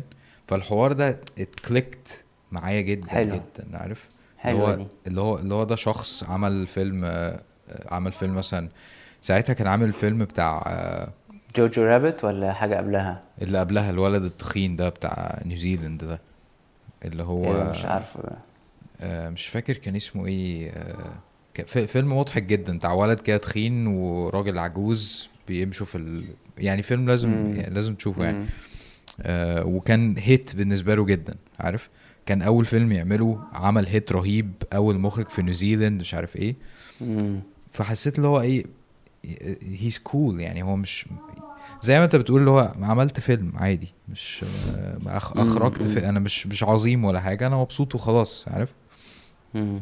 هي حلوة إن هو ربط ال ال الحاجة بتاعته بحاجة آه عامة هي creativity. creativity is my job. مش بحاجة محددة اللي هو بالظبط. التصوير. ما هو لأن دي فعلا أنا مفكر فيها. طب لو افرض ال- الحاجة بتاعت حد مثلا say التصوير بعدين في وقت من الأوقات ما بقاش قادر يعمل التصوير هيحس هيحس إن حياته انتهت. صح. بس لو واحد رابط فعلا يعني عجبتني الحتة لو واحد رابط الحاجة بتاعته بحاجة جنرال يقدر يدخل تحتها كذا حاجة هو هيبقى دايما بي evolve وبي adapt للظروف اللي بتحصل له وللتغيرات اللي بتحصل حواليه. مش بس يعني لأن, لأن كمان ال industries وكل ال- بتتغير فاهم؟ بالظبط. ف يعني لسه كنت قابلت واحد شاب في الجامعة شاب صغير يعني طبعا بالنسبة لي كان baby يعني. فبيقول لي مش عارف إيه انت بتعمل إيه؟ بقول له آه أنا مخرج وكده. قال لي إيه ده؟ وأنا كمان أنا بدأت أخش في الإخراج وكده. قلت له إيه ده؟ هايل. بتعمل إيه؟ قال لي آه أنا بدأت في التيك توك وكده. ف مش مش بقلل منه بس أنا. لوهلة فهمت إن إن إن اللي أنا بعمله ده هو هيبقى obsolete قريب جدا جدا. إن ما كانش already obsolete فاهم؟ وإن هو قلت له طيب علمني بقى الحاجات اللي بتعملها دي. nice انت عارف أنا حاسس انه ال pressure ده بيتحط علينا في حتة يعني انت انت بتعمل إيه؟ طب انت بتاع يعني انت محتاج تقول حاجة. بتكون بتعمل حاجة صح. بالظبط. انما لو مم. مفيش ال pressure ده ومفيش البايو بتاعك على على تويتر لازم تكتب فيه ان انت أصيع مخرج في التاريخ اللي مش أيوة. عارف إيه مش مش مش مش هنضطر ان نحجم نفسنا نحج فعلا هو هو تحجيم فعلا يعني. هي دي فعلا حتة ال بحس إن الحتة دي مش موجودة أكتر في الغرب. يعني عندهم ال flexibility بتاعت إن أنا أنا عادي أنا ب float في الحياة يعني. مش لازم يبقى عندي job description محدد يعني. وده فعلا زي ما أنت بتقول هو هو نابع عن pressure في المجتمع. يعني أنا ليه لما اتخرجت قعدت سنة ونص بحاول أشتغل علشان أنا اتخرجت؟ فلازم أش... يعني لازم عندي شغلانة. يعني لازم أبقى بشتغل في حتة. مش هينفع أبقى كده م... م... م... يعني بدور. أنا قعدت فترة كبيرة قعدت فترة كبيرة بعد يعني في أكسير وفي الإخراج والكلام ده كله ناس من عيلتي وكده بيقولوا لي طب ها هتشتغل إمتى يا جماعة طب ما هو أنا بشتغل ما أنا فعلا بشتغل و- وبحاول أعمل وبتاع وب- وبسعى وبجيب وبجيب وب... يعني ده شغلي يعني مش لازم أكون بشتغل في حتة يعني وكذا حد يقول لي طيب هو ده حلو قوي إن هو يكون على الجنب أو هوايتك طبعا. بس أنت هتكون بتشتغل إيه مم. ف وعايز أقول لك لحد النهارده pressures دي موجود يعني لحد النهارده pressures دي موجودة يعني واحد آه تلا- 33 وخلاص وهنسلم الراية بس لسه موجودة وبتاع. ف صح. أنا دا دايما بقول أصلا إن بشفق على أمي لما حد بيسألها ابنك بيشتغل إيه. هو هو بيعمل و مش فيش حاجة تقولها أصلا أيوة. لا ادعي له بقى يعني يعني ادعي له بس. نايس ال ال conversation بتاعت اليوتيوب وال وال independent filmmakers وال YouTubers وال والليلة دي كلها. يعني ب ب بذكر الشاب بتاع التيك توك اللي انت قابلته ده. آه انت انت اللي أنا فاهمه ان انت دايما كان معاك team مش كده؟ مم، مم، بالظبط. آه، أنا مش عارف أصيغ السؤال بالظبط بس هو في ذهني حوالين حتة إنه آه، هل الواحد عشان يمشي في ال career بتاع آه، ال- ال filmmaking أو عشان يطلع أفلام آه، بتعبر عنه حلوة وكده هل ينفع يعتمد على نفسه بس ولا ضروري إن هو يبقى معاه ناس تانية؟ هو السؤال ده related بموضوع اليوتيوب وال creators versus filmmakers ولا لأ؟ لأن هو آه آه دي conversation آه، شديدة. يعني لأن لأن يعني أنا مثلا دلوقتي بعد say 10 سنين من ال filmmaking career بقول إن أكبر غلطة ما عمل- عملتها في حياتي إن أنا ما استثمرتش في ال content بتاعي ك... كإنسان بقى كفرد. لأن كل الحاجات اللي عملتها مربوطة ب team فاهم؟ طب أنا بقى لما آجي أقول وده هنا على فكرة الناس هنا لما كنت باجي في الأول ويسألوني طب أنت بتعمل يعني أنت بتعمل إيه؟ أقول لهم مخرج فكان يتضايق كل- كذا حد يقول لي طب أيوه يعني بتعمل إيه؟ يعني المخرج دي مش حاجة. فين اللي أنت بتقدمه؟ فين الحاجة بتاعت يعني أنت فين الحاجة بتاعتك يعني؟ فلو وريتهم الفيلم ما ده مش شغلي. ده شغل 200 واحد. فاهم؟ ف... فساعتها بدأت أعمل حاجات بتاعتي أنا بس اللي هو الفيديو ده بتاعي ده أنا. ما حدش عامله تاني دي دماغي دي فك... ده فكري ده ال vision بتاعي. أنا بحس إن ان إن حاليا في ال... في الزمن ده يعني سيبك مثلا سيبك من 2010 بس دلوقتي اتس يعني لا يقارن الشخص اللي عنده asset على اليوتيوب أو اونلاين مش بس يوتيوب يعني بس asset online بشخص تاني. يعني ده يعني أنا أنا فعلا بضرب نفسي بالجزمة كل يوم إن أنا ما, ما استثمرتش في في, في يوتيوب channel ليا أو في, في نوع content معين أنا بعمله وفضلت أعمله 10 سنين. يعني أنا أنا فعلا متضايق إن أنا إن أنا ما عملتش ده فاهم؟ لأن أنا الحصيلة بتاعتي من ال filmmaking هي حاجات ماشي الحمد لله حلوة ومبسوطني عملتها بس هي مش مش مش بتفيدني أنا بقى في حاجة بعد كده. فاهم قصدي؟ ف فدلوقتي لا عادي ما... يعني أنا مش شايف إن الواحد لازم يبقى معاه team كبير عشان يعمل اللي هو عايزه. ليه ليه بقى؟ لأن أصلا دلوقتي فكرة إن أنت تبقى established مش محتاج أنت تعمل أفلام. يعني أنت بتشوف دلوقتي say في الوطن العربي ال- ال- المشاهير الكبار بتوع الوطن العربي هم online people هم digital people هم مش ما عملوش أي حاجة بره بره ال digital. ودول المشاهير اللي بجد المشاهير اللي الناس فعلا بتبقى عايزاهم ويشتغل وعايزين يشتغلوا معاهم وكده. وده بيقول إن أنت مش محتاج أنت مش محتاج كاميرا أصلا. أنت فعلا يعني حرفيا مش محتاج كاميرا عشان تبقى established filmmaker أو let's say established story storyteller.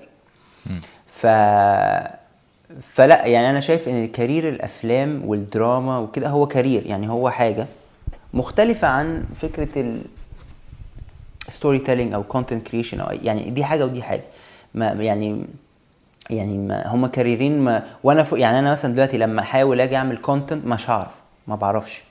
يعني اللي أنت بتعمله للناس تانية كتير بتاع أنا ما عمري ما اعرف يعني أنا ما بعرفش أعمله.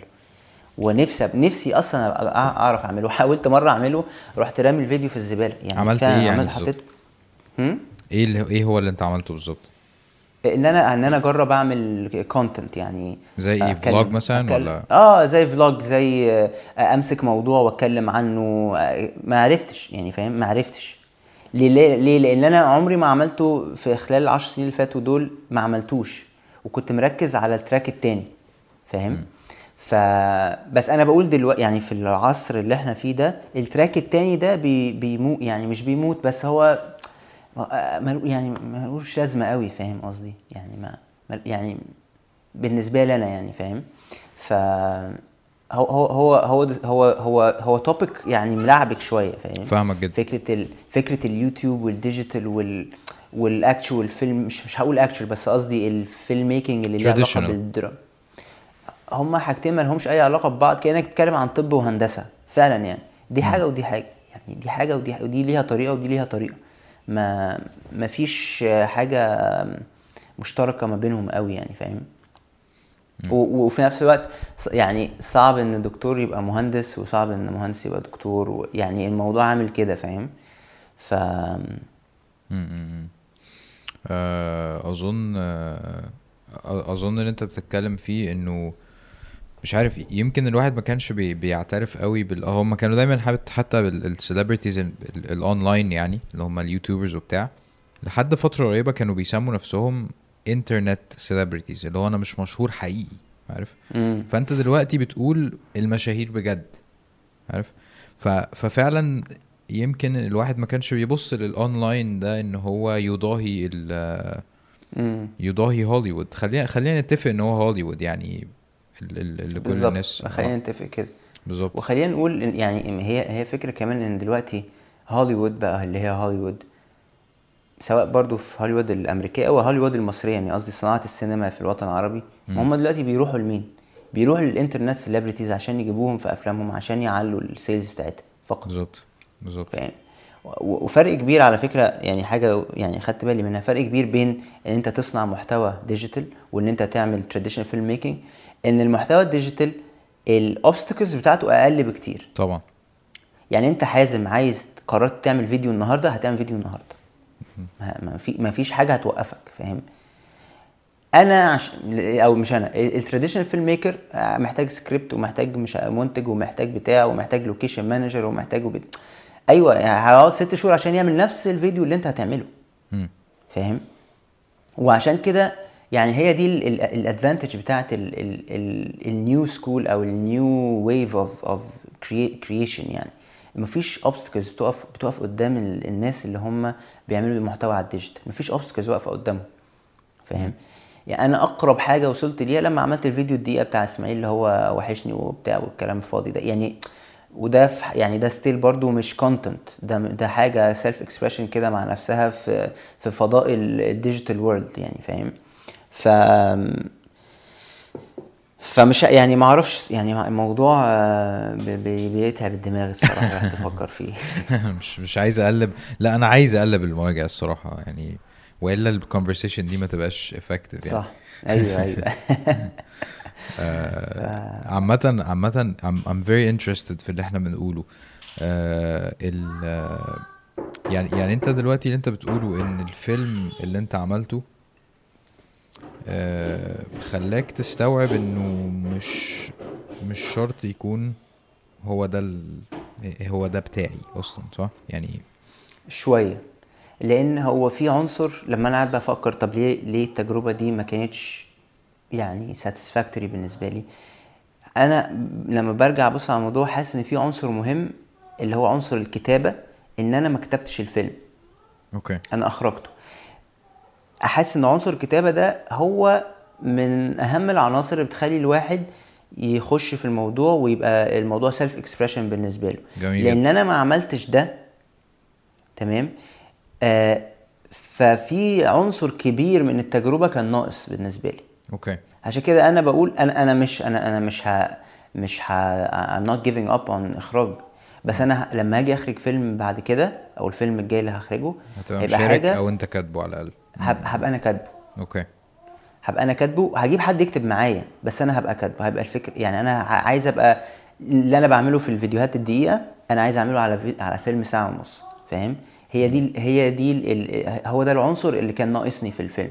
لأن أنا كنت بخرج حاجة أنا I don't own it يعني I don't I don't feel any connection to it فاهم؟ آه اتبسطت بالتجربة وتعلمت منها والإحساس التيم والكلام ده كله بس كأنس كفرد ما كانش فيها ال ال ال الإشباع بتاع إن أنا أخرجت الفيلم الأول بتاعي. فاهم؟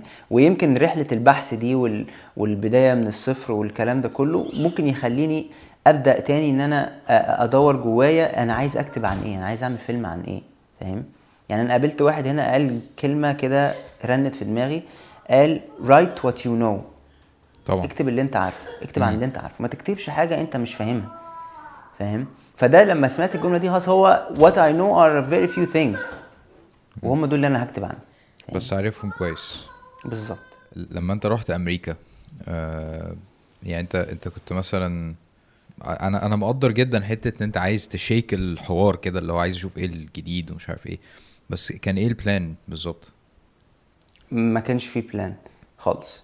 لأن ودي حاجة غلط الصراحة إن أنا أعملها يعني بالذات لو أنا معايا أهل وكده. بس ال plan اللي كان فيه اللي هو عارف حاجة خط رفيع كده قوي إن أنا حتى يعني حتى يعني حتى إن أنا جيت هنا فيرجينيا أو دي سي ملهاش منطق. يعني أنا ليه قرايب في أماكن في ولايات تانية؟ حتى ما رحتش عندهم.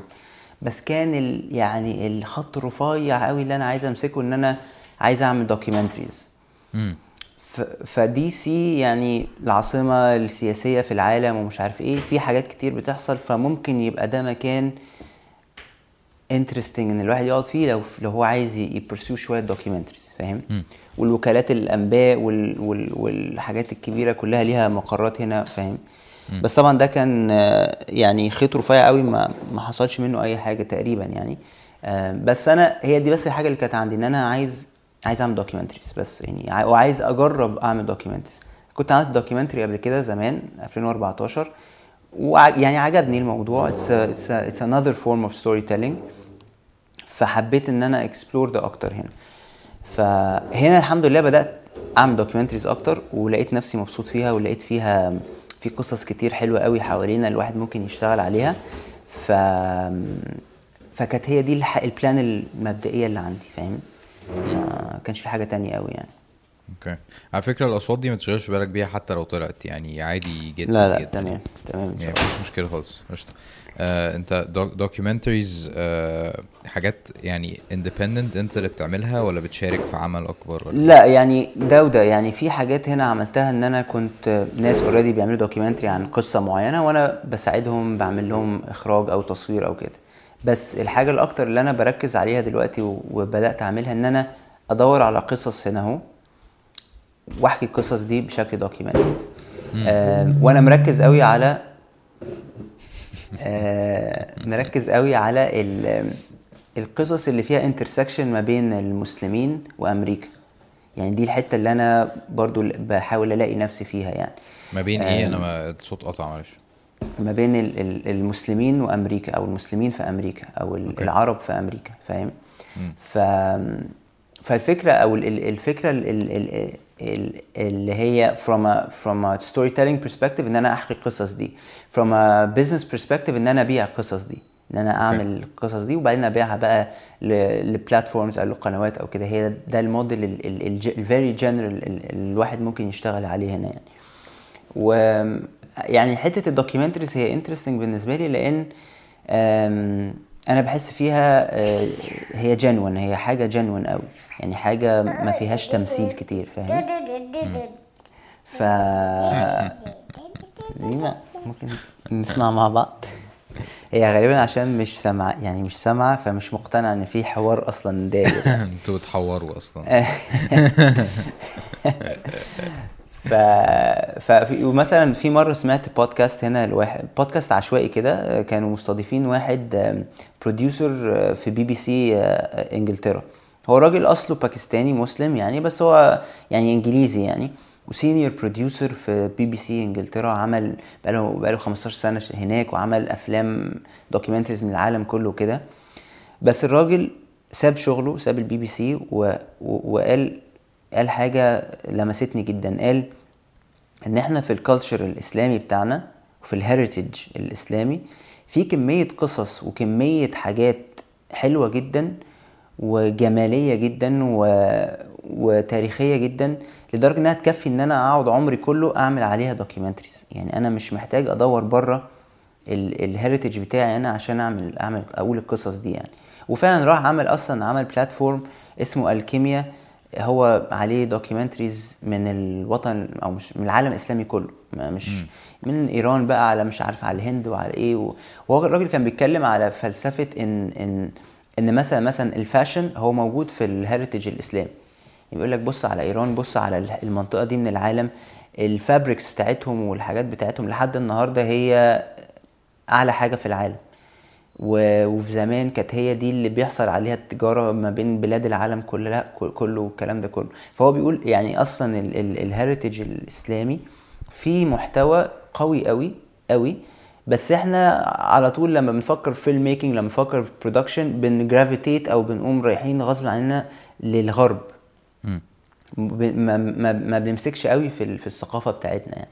ف دي برضو يعني دي نقطة يعني جانبية شوية بس دي حاجة أنا لقيتها هنا في في الغرب عامة. هي ممكن تبقى مش ملهاش علاقة قوي باللي إحنا بنقوله يعني بس فكرة إن الواحد يقدر ي gravitate towards الحاجة اللي هو عايزها براحته. يعني okay. من غير أي pressure فاهم؟ فاهمك جدا. ف... ودي حاجة أنا كنت مفتقدها شوية في مصر فاهم؟ يعني أنا هنا لو عايز أحكي قصص معينة عن ناس معينين هبقى عادي بعمل كده براحتي يعني مش مش مش خايف من pressure خايف من الناس تقول إيه ده أنت بتعمل إيه؟ دي حاجة مش مهمة بالنسبة لي دي حاجة مش cool فاهم؟ ف... فهنا حتة الفلكسبيليتي بإن أنت تستكشف أنت أنت عايز تعمل إيه وأنت مين ك... كإنسان وك... وكهوية في وجهة نظري دي من أهم العناصر يمكن العنصر الوحيد المهم هنا يعني. كل حاجة تانية ملهاش أي لازمة الصراحة يعني. آه، فعلا آه، فعلا الحتة دي أنا معاك جدا فيها حتة إنه restrictions والكلام ده بتخلي الواحد فعلا يعني في طبق في طبقة كده في دماغك يعني أنت خلاص أنت بتلمت نفسك خلاص في الحياة إن أنت في سقف الكرياتيفيتي بتاعتي في سقف الاكتشاف نفسي فاهم. ومع الوقت بتبقى حد تاني أصلا. صح. صح. هي هنا بيقول لك يعني الحسنة الوحيدة في ال- في الغرب إن أنت you can be whoever you want to be. مم. يعني أنت جواك أصلك إيه؟ عايز تبقاه okay أهلا وسهلا. يعني ما حد يعني غالبا ما حدش هيقول لك حاجة في معظم الأحيان. إنما في أماكن تانية انت بتكون الشخص اللي هو زي الناس اللي حواليه قوي أو زي ال restrictions اللي حواليه فاهم؟ ف... فدي بالنسبة للناس اللي هي بتوع self expression وكده بتبقى حاجة خنيقة أو يعني ما بتخنق الواحد يعني فاهم ما تبقاش إن أنت بت self express بس أنت مش بت self express أنت بتكسبريس اللي حوالي- اللي حواليك فما بتبقاش. بالظبط ما بيبقاش فيها ال ال الإشباع اللي أنت بتدور عليه برضو يعني مم. طب أنت أنت أنت لما لما بدأت ال path بتاعك في في في, في DC أنت بدأت ال path التقليدي بتاع إن أنت تدور على شغل ولا ولا عملت إيه بالظبط؟ كل حاجة. يعني أنا دورت على شغل بدور على شغل لحد النهارده. يعني عادي بقدم على شغلانات وكده. وده في حد ذاته أصلا عالم تاني و... وطريقة تانية الواحد المفروض يدور بيها على شغل. وفي نفس الوقت بدأت إن أنا أعمل قصص وأعمل documentaries pilots مثلا أعمل دقيقة مثلا أو دقيقتين واصورها لقصة interesting أنا شفتها بعدين أحاول أبيع ال- ال- القصة دي يعني تمسك ل- كاميرا وتجري بيها ومش عارف إيه وبتاع. بالظبط. فاهم؟ آه، قابلت حد بيعمل حاجة معينة مثلا قابلت واحد هنا آه، خطاط فلسطيني عايش هنا بقاله كام سنة يعني شاب يعني صغير وعايز يعمل جدارية mural في, في قلب DC فقلت له طب أنا عايز أصور الرحلة بتاعتك دي تعال نصورها. وفعلا بدأت أصور معاه الرحلة وبعت القصة دي ل news platform أو ل... ل... يعني ل... ل... ل platform بي... بيعمل documentaries وكده. ف... ف... فبس بس هنا برضو تاني بحس إن لازم الواحد يسعى في كل السكك. ما ينفعش أقول خلاص أنا هبقى independent producer بقى وأقعد أعمل مش هينفع يعني. لأن الحياة هنا ضغوطاتها أكبر بكتير من إن هي تكفي إن أنت تكون independent producer من الأول كده على طول فاهم. فسعيت في كل... فسعيت في, الس... في السكك كلها يعني. ما ما عنديش مشكلة ان ان أعمل كده فاهم ما بقاش عندك مشكلة. ما بقاش عندي مشكله كان عندي مشكلة في الأول لكن ما بقاش عندي مشكلة إني أسعى في السكك بتاعت ال... إن أنا أبقى موظف في مكان يعني فاهم؟ إيه طبعا دي حاجة برضو تانية مختلفة في مصر إن أنت إزاي تبقى مخرج مثلا وموظف يعني ما ينفعش يعني ما ينفعش لو أنت عايش في مصر تعمل حاجة زي كده. وده برضو هنا من الاختلاف بتاع ال- industry أو كتير من الناس الفيلم ال independent filmmakers هنا أنا طبعا بتكلم بره هوليوود ونيويورك. في الع... في بقية أمريكا بيشتغلوا شغلانات full time jobs يعني عادي ما فيش مشاكل يعني فاهم. nice آه، أنت قلت حاجة قلت إن أنت بعت الفكرة دي لل platform بتاع documentaries آه، ده ده حصل إزاي؟ يعني أنت عملت الحوار كله وبعته ولا رحت عرضت لا فكرة عملت جزء منه. صورت نزلت صورت تلات أيام بالظبط مع الولد يحكي قصته مش عارف إيه نعمل آه سين وهو بيرسم على حاجة. ومن التلات أيام دول عملت برومو دقيقة ونص بيشرح الفكرة أو أو مش بيشرح بس اللي يشوفها يفهم الفكرة. مم. فاهم؟ ورحت عرضتها عليهم أنا كنت اشتغلت معاهم قبل كده في في حاجة من زمان. رحت عرضتها عليهم واتكلمت معاهم وحكيت لهم أنا متخيل الفكرة دي هتبقى كذا كذا كذا كذا. وهم قالوا لي طيب إحنا عايزين يبقى عندنا إحنا عايزين نشتري منك الفكرة دي لما تخلصها. ف فكملتها بقى يعني بقالي سنة بعمل في ال documentary دي. wow. يعني من من من تصوير ل editing لك يعني بقى لنا سنة شغالين مع بعض على الرحلة بتاعته والقصة بتاعته وكده يعني. فهو حلو إن الواحد يبقى عنده project ongoing كده بيشتغل عليه ويعني إيه هو اللي مديله ال ال ال النفس الطويل شوية. بس في نفس الوقت في خلال السنة دي بتبقى محتاج إن أنت تزق بحاجات تانية سواء projects تانية صغيرة أو حاجات freelance أو حاجات gigs يعني زي ما بيسموها فاهم؟ ف... فلازم يبقى في combination ما بين الاثنين ده هنا. ما ينفعش تعتمد على حاجة واحدة بس في أول خمس سنين على الأقل فاهم. يعني لحد ما ما الدنيا تكبر معاك وتبقى تقدر t-sustain نفسك لازم تبقى دايما في حاجات صغيرة بتعملها هنا وهنا وهنا. حاجات ما يعني بعمل حاجات editing ساعات حاجات branding الحمد لله أنا بعرف أعمل شوية في ال design وكده فلما لما بيطلب مني حاجة مش بقول لأ يعني فاهم. يعني هنا في أمريكا ما بقولش لأ على أي حاجة يعني. ف ماشي. طيب سؤال ساذج معلش. ال ال ال platform دي اللي أنت رحت عرضت عليها الفكرة أنت أنت عملت research على ناس بتعمل كده ولا ده connection ولا دي ناس اشتغلت معاها قبل كده ولا إيه؟ connection يعني connection هو في الآخر ال ال ال platform الجزيره وثائقية. امم okay. هم هم هم من اقوى ال platforms دلوقتي اللي بيشتروا أفلام وقصص آه ليها ارتباط بالقصص العربية يعني. ف... فأنا يعني- أنا كنت آه. عملت لهم حاجة قبل كده ورحت عرضت عليهم الفكرة يعني. يعني ده هيتعرض على الجزيرة إن شاء الله. جزيرة وثائقية آه. لأن هو في فرق بين الجزيرة وبين الجزيره وثائقية. فاهم. وثائقية بس بيعملوا قصص من أي حتة في العالم العربي عن أي حاجة. زي ما بقول لك يعني أنا القصة اللي عاملها a, it's a cultural slash art- art project يعني مش واحد فنان بيرسم وبيحاول الرحلة بتاعته إن هو يرسم mural في جوه دي سي mural عن فلسطين وعن الوطن بتاعه كده يعني فاهم؟ ف nice أنت أنت تعبت أو محتاج تمشي أو حاجة صح؟ خالص. أنا أنا بس أنا يعني مقلق إن أنت تكون اتوترت. لا لا خالص. أنا متعود تماما وبنتي برضو بتعمل نفس الحوارات دي فما عنديش مشكلة خالص. آه تمام. لا لا خالص.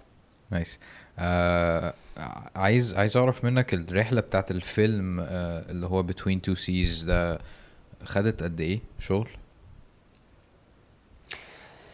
الفيلم بتاع بين بحرين من أول هو كان فيه two phases phase اللي هي من أول الكتابة لحد ما الفيلم خلص وفي ال phase اللي قبلها اللي هو إحنا أصلا إزاي كأكسير عرفنا نعمل عرفنا نجيب ال deal بتاع الفيلم ده. ففي two phases phase 1 ممكن أقول لك إنها سنتين مثلا اللي هي إحنا أصلا بن بنعمل فكرة وبنكبرها وبنقنع بيها لأن إحنا الفيلم ده كان معانا partner فيه اللي هو الأمم المتحدة للمرأة. هم اللي جابوا ال funding للفيلم. ف phase 1 دي ممكن سنة ونص سنتين والفكرة عمالة بت- بتتبلور وبتكبر و... و... وبنتكلم فيها مع بعض وكده. phase 2 اللي هي phase التنفيذ نفسها الصراحة هي كانت سريعة. يعني كانت. سريعة يمكن أكتر من ال... من العادي يعني. هم؟ نعم؟ طيب روحي قولي إسماعيل. روحي قولي له. أوكي. ففيز 2 آم، الكتابة أخذت تقريبا ثلاث شهور وكان مع الكتابة بيحصل شوية تحضيرات وكاستنج وكده. التصوير نفسه صورنا الفيلم في 18 يوم. wow ما شاء الله. nice. آه يعني ده يعتبر سريع طبعا بالنسبة لحاجات تانية. وال post production خد يمكن أربع شهور حاجة زي كده أربع شهور خمس شهور يعني. ف... فالتنفيذ بتاع الفيلم الصراحة أنا أنا انبهرت إن إحنا عرفنا نعمل الفيلم كله يمكن في سبعة تمن شهور يعني من أول الكتابة لحد. تسليم الفيلم يعني ف وهو الفيلم ال partnership مع الأمم المتحدة دي جت من نتاج projects كتير كنا عملناها كأكسير مع الأمم المتحدة والحمد لله كانت كلها projects ناجحة عبر من أول 2000 وما أعرفش 12 تقريبا بدأنا معاهم بحاجة صغيرة campaign صغير بعدين عملنا معاهم آه، أغنية اسمها نور مع زاب ثروت وأمينة خليل وكانت عملت صدى حلو قوي وانتشار جامد قوي. بعدين بعدها عملنا معاهم short film بعدين عملنا فهم كان طول الوقت بيفكروا إزاي نكبر ال partnership دي. فجم في مرة أنا فاكر كنا بنعمل معاهم أغنية نور actually كانت 2014 فقالوا لنا هو هو إحنا ممكن نعمل فيلم في يوم من الأيام؟ قلنا لهم آه ليه لأ؟ وهنا يعني في 2014 تقريبا أو كده الفكرة نفسها اتقالت اتحطت على الترابيزة إن إحنا ممكن نعمل مع بعض فيلم. وفي 2016 تقريبا عملنا فيلم كنت أخرجته أنا اسمه مريم والشمس كان فيلم قصير 15 دقيقة اتصور في في الصعيد. كان حلو قوي كان بيتكلم عن المدارس والبنات والتعليم بتاع البنات في الصعيد وكده وكان ايموشنال قوي كان فيه قصة حلوة وكده. ف... فقالوا طيب لا إحنا؟ محتاجين لا أنا ما كتب ما كتبتوش. بس كنت إحنا كتبناه بطريقة أنا شايف انها لذيذة قوي يعني ان إحنا سافرنا أنا و- وال- وعمر داوود اللي كتب الفيلم وناس تانيين يعني. سافرنا قعدنا ثلاث أيام في القرية اللي إحنا هنصور فيها الفيلم. كنا بس بنقابل إن العيال ونلعب معاهم ونروح المدرسة بتاعتهم ونروح معاهم البيت كده يعني راندملي يعني. قعدنا ثلاث أيام وكان عمر بيقعد معاه نوتة صغيرة يقعد يكتب يكتب جملة في طفل قالها يكتب حاجة حد من الأهالي قالها.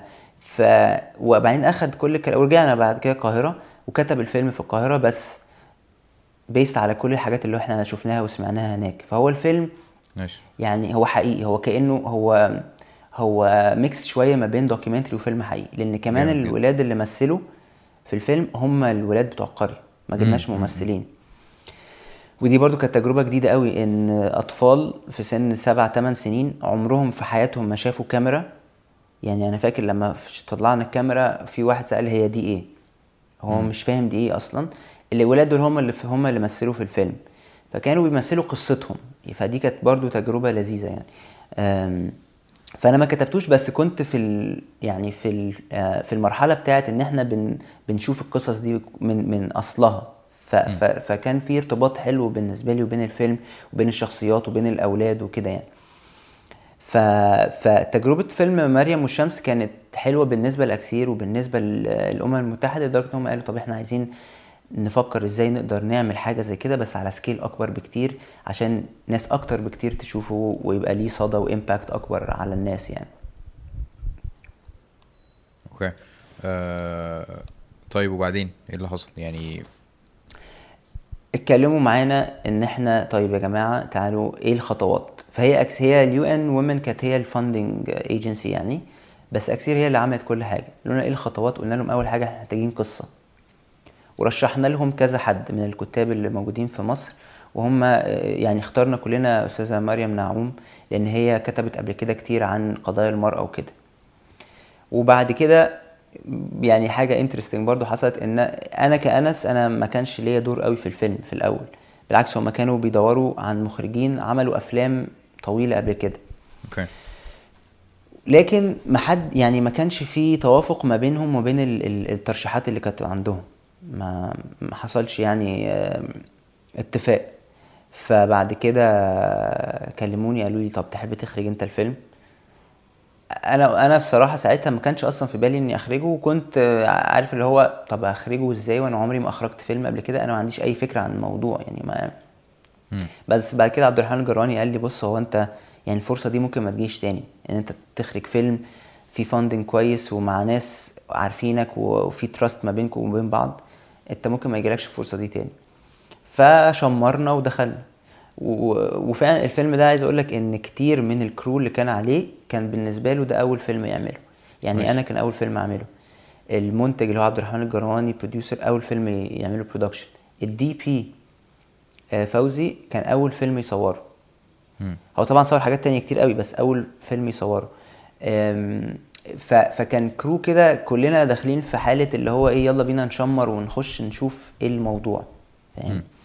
ف...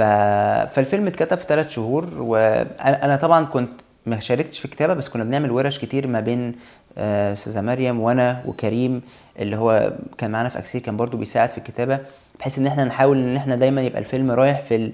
في الاتجاهات اللي إحنا عايزينها يعني.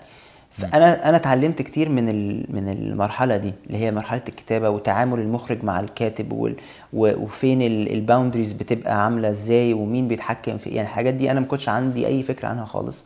وبس اتعلمت عنها كتير قوي قوي يعني. وكويس إن إحنا كان معانا حد كبير زي مريم نعوم لأن هي طبعا خبرتها كبيرة. يعني هي بتعرف إزاي تكتب ال structure عامل إزاي ال- الحاجات دي. فأنا يعني أنا اتعلمت منها كتير في ال- في الحتة دي يعني. وفي الإنتاج نفسه وقت التصوير أنا كنت قايل صراحة للناس يا جماعة بصوا ده أول فيلم أصوره. ف عادي هتلاقوني بسأل وهتلاقوني بخبط وهتلاقوني ما يعني عادي ما عنديش مشكلة. وفعلا كنت عادي ممكن أسأل حد في السات عن حاجة معينة دي طب هو دلوقتي المفروض نعمل إيه؟ ما عنديش مشكلة. في الآخر لو أنا ما سألتش وعملت نفسي فاهم هلبس ال- الدنيا كلها في الحيطة فاهم. فبرضه دي كانت تجربة حلوة بالنسبة لي إن إحنا عادي بنستكشف مع بعض وبنعمل بس في الآخر هنطلع يعني هنطلع حاجة يعني مش مش اللي هو بنستكشف وبعد كده هنبوظ الدنيا لا هنطلع حاجة يعني الحمد لله. فمش عارف انت جالك فرصة تشوف فيلم ولا لا بس يعني ما عرفتش الاقيه فين. آه ولا أنا الصراحة. يعني هو نزل السينما واتشال بعدها بقى مع يعني أعتقد في ناس نزلته على اليوتيوب يعني حاجة كده بس لسه officially ما نزلش digital في حتة يعني. Hopefully إن شاء الله ينزل قريب يعني إن شاء الله. أنا شفت ال trailer بتاع بتاعه بس. آه. ال trailer موجود. آه طب هو ال... في ال... يعني انت بتقول ما يعني س- ب- قلت لهم ان انت ده اول مرة ت... تخرج فيلم والكلام ده بس قدرت تحصل على ال... على الاحترام بتاعهم صح؟ آه يعني سؤال- لأن سؤال في غريب، الآخر سؤال غريب بس يعني ولازم أقول آه لأن لو ما قلتش لأ هبقى إنسان فاهم؟ اللي هو مش محترم فاهم؟ بس هو في الآخر أنا أنا بعامل الناس كلها باحترام وبدي كل واحد مساحته. On set كل الممثلين حتى يعني كان معانا ممثلين كبار. يعني كان معانا عارفة عبد الرسول هي فنانة قديرة فاهم؟ وكان يعني أنا بتبع فكرة إن أنا أقل واحد فعلا عارف يعني أنا أقل واحد عارف في الناس دي. فأي حد عنده input كنت بسمع له وفي أوقات كتير كنت بحققه. يعني كان في مشهد جت آه، أستاذة عارفة ومعاها آه، فاطمة الممثلة اللي معاها قالوا لي بص المشهد ده الشخصيتين دول مش هيقولوا كده. يعني مش هيقولوا. الكلام ده في المشهد قلت لهم طب خلاص اقعدوا كده وارتجلوا الشخصيتين دول هيقولوا إيه في المشهد ده حلو فقعدوا كده رايح جاي رايح جاي ومعايا كريم قاعد بيكتب اللي هما بيقولوه فاهم فكذا كذا وهت- وكذا ودخلوا جوه الشخصيات وهم بي بيرتجلوا المشهد ده ممكن يمشي إزاي مم. وخلصوا فقلت لهم طب ما ده حلو جدا هو ده هنعمل وكتبنا المشهد جديد based على اللي هم قالوه. ف... فأنا بالنسبة لي لأن أنا أنا من أنا من جوايا أنا بحترم الناس كلها. وعارف إن كل الناس عندها حاجة تقدمها فكنت بدي للناس مساحتها ممثلين crew members ايا كان مساعدين مخرج الكلام ده كله لأن هم عندهم خبرة أكتر مني فاديني input أنا عايز input منك. فده في احترام فبيبقى احترام متبادل اللي هو خلاص يبقى إحنا كلنا مع بعض يعني كلنا مع بعض في مركب واحدة مش اللي هو أنت مخرج وأنا مش لا إحنا كلنا مع بعض فدي كانت روح حلوة بالنسبة لي ودي الحمد لله روح في اكسير عامة في ال productions بتاعت أكسير معظم الوقت بتبقى يعني حاجة مميزة في ال... في أكسير إن هي ده الروح بتاعتنا إن إحنا كلنا يا جماعة مع بعض في مركب واحدة مش شرط إن يبقى في حد بيعمل حاجة التاني ما بيعمل يعني لأ عادي الدنيا easy أكتر أو flexible أكتر من من أماكن تانية يعني. nice آه، جات لك لحظات كنت حاسس فيها إن أنت in over your head يعني الدنيا أكبر من منك؟ جوه التصوير الحمد لله لأ لأن إحنا يعني دخلنا في التحضير كويس و casting كويس وكده. وأنا بصراحة أنا كنت مطمن لأن أنا معايا ناس عملوا ده قبل كده. يعني okay. مساعد المخرج الأول عمل أفلام قبل كده. أم، ال ال ال crew اللي هو شايل العظم بتاع الفيلم كان crew من السوق وناس شاطرين. ف فده كان فيه برضو شوية آه، في ثقة. يعني أنا واثق في الناس دي. ف والحمد لله طبعا إن إحنا فكرة إن إحنا معانا partner اشتغلنا معاه سنين قبل كده فده كانت حاجة كويسة برضو اللي هو في trust وما كانوش بيد... يعني بصراحة ال UN ما كانوش بيدخلوا في أي حاجة. هو لنا هو ده اللي أنتوا شايفينه؟ آه خلاص يبقى هو ده الصح. يعني فدي برضو كان فيها trust جامد. فالحمد لله ما ما ما, ما جاتليش اللحظة دي. ويمكن كمان مفيش وقت بقى تجيلي اللحظة دي. يعني التصوير 18 يوم تصوير تك تك, تك مفيش فعلا الوقت الواحد يقعد يفكر في طب يا طب أنا ها لا هو أنا بفكر في ال shot اللي جاي يعني غصب عني فاهم؟ فدي برضو كانت حاجة يمكن كويسة إن إن 18 يوم ورا بعض يمكن كان في يوم أو يومين بس في النص وقفنا يعني تصوير. فما كانش في فترة إن الواحد بقى يقعد يخاف و ي reflect لا ما يعني ما فيش بقى وقت للكلام الفاضي ده. طب ال- ال- الفرق بين ال بين ال set ال traditional وبين اللي أنت كنت عليه قبل كده؟ آه، فرق إيه إيه الحاجات ال- ال key اللي انت تقدر تقول عليها؟ أنا معظم ال sets الكبيرة اللي كنت عليها قبل كده كانت music videos تمام؟ قبل الفيلم يعني. والف... وال music videos لذيذة. يعني إيه؟ لأن أنت مش لازم تخلي بالك من raccord. مش لازم تخلي بالك من continuity ال placement بتاع الحاجة ممكن يتغير عادي. عشان أنت عادي أنت هت في ال music video هت cut كذا تقطيعات سريعة هت cut للمغني وهو بيغني. ففي في, في elements كتير تقدر ت... يعني ت... تلحقها في ال post production الفيلم مفيش كده بقى. فاهم؟ أنا بالنسبة لي بقى حتة ال- ال- الممثلين وال وال وال continuity بتاعت كل سنتي في البتاع والكلام دي كانت ده ال element الجديد عندي. طبعا أصلا فكرة التمثيل وال direction بتاع التمثيل ده كان أول مرة أعمله بشكل كبير. كنت عملته في short films وكده بس في نفس الوقت استمتعت بيه قوي. يعني كان ماشي. فكرة إن أنا بقدر بقدر أتكلم مع ممثل ونتكلم مع بعض ونفهم الشخصية وتاني أنا كنت باخد input كبير جدا من الناس من الممثلين نفسهم يعني. يعني كنت بشوف هم عندهم إيه وممكن بس نعدل عليه كام حاجة يعني فاهم؟ ما كنتش بقى اللي هو لأ أنت لازم تعمل لأ خالص. أنا يمكن مرة أو مرتين بس اللي قلت حاجة very specific لممثل معين. غير كده ما بالعكس هو يعني عايز أقول له أنت أدرى يعني فاهم؟ بس بس ال- ال direction بتاع الممثلين وحركتهم قدام الكاميرا من هنا لهنا ومش عارف إيه يعني دي كانت كانت مختلفة ما عملناهاش قبل كده. ممكن ال- المشهد يبقى مكتوب بطريقة بعدين لما الممثلين يقفوا في ال... في الأوضة أو في الصالة نلاقي لأ ده مش هينفع لأن هو بعد ما يقول الجملة دي لازم يمشي. فلو مشي هيضطر هي cross قدام الشخص التاني فلازم نغير أماكنهم. بس لو غيرنا أماكنهم ما ينفعش يشاور على الباب لأن مش منطقي لأن هو واقف ورا الباب. ف ففي أوقات كتير كان المشاهد بتتغير وإحنا on set لأنه ال- المكتوب مش هينفع في المكان اللي إحنا فيه. فالعنصر ده من التغير ومن ال من ال elements اللي في الفيلم كانت كان عنصر مختلف بالنسبة لي تماما تماما تماما يعني. مم. دايما دايما المخرجين بيقولوا إن السكريبت المكتوب عمره ما بيطلع هو نفسه اللي بيتعرض على ال- على الشاشة. آه دي حقيقة فعلا. ويعني غير كده كمان يعني إحنا إحنا قعدنا ن edit كتير قوي في السكريبت قبل ما نخش نصور عشان نقلل المده ونخليه ماسك نفسه والكلام ده كله. لما صورنا الفيلم تمام وإحنا في ال في ال post production شلنا ساعة إلا ربع. مشاهد ما اتصورت بس ما اتحطتش في الفيلم ساعة إلا ربع. والفيلم خلصان هو الفيلم بيتعرض دلوقتي ساعة وتلت تقريبا. آه. ففي ساعة الا ربع مشاهد اتصورت لكن شلناها في ال post بعد كده لأنها ما كانتش بت- بتضيف قوي للقصة أو كده مع إننا في السكريبت كنا يعني بنحاول نتأكد 100% إن كل حاجة على السكريبت قبل ما نصورها ليها لازمة بس آه. آه. كمان ف- ففي ثلاث مراحل مراحل الكتابة مرحلة التصوير مرحلة ال edit كل واحدة فيهم بيحصل فيها تغيرات للسكريبت كبيرة جدا وفي لعلمك في مشاهد كنا بنصورها يعني خلاص الممثلين واقفين وإحنا بن بس بنراجع نقوم شاطبين على المشهد ده المشهد ده مش هيتعمل يعني ما وإحنا on set فبن edit في السكريبت وبن edit on set وبن edit طبعا في ال edit يعني آه كل واحدة من دول بتشيل حاجات كتير ما آه وعشان كده بس هي دي بترجع في الآخر إن أنا أنا أنا برضو كان في حاجة عملتها إن أنا في حاجات صورتها وأنا مش مقتنع بيها. يعني أنا في مشاهد إحنا عارفين كلنا إن المشهد ده هنصوره.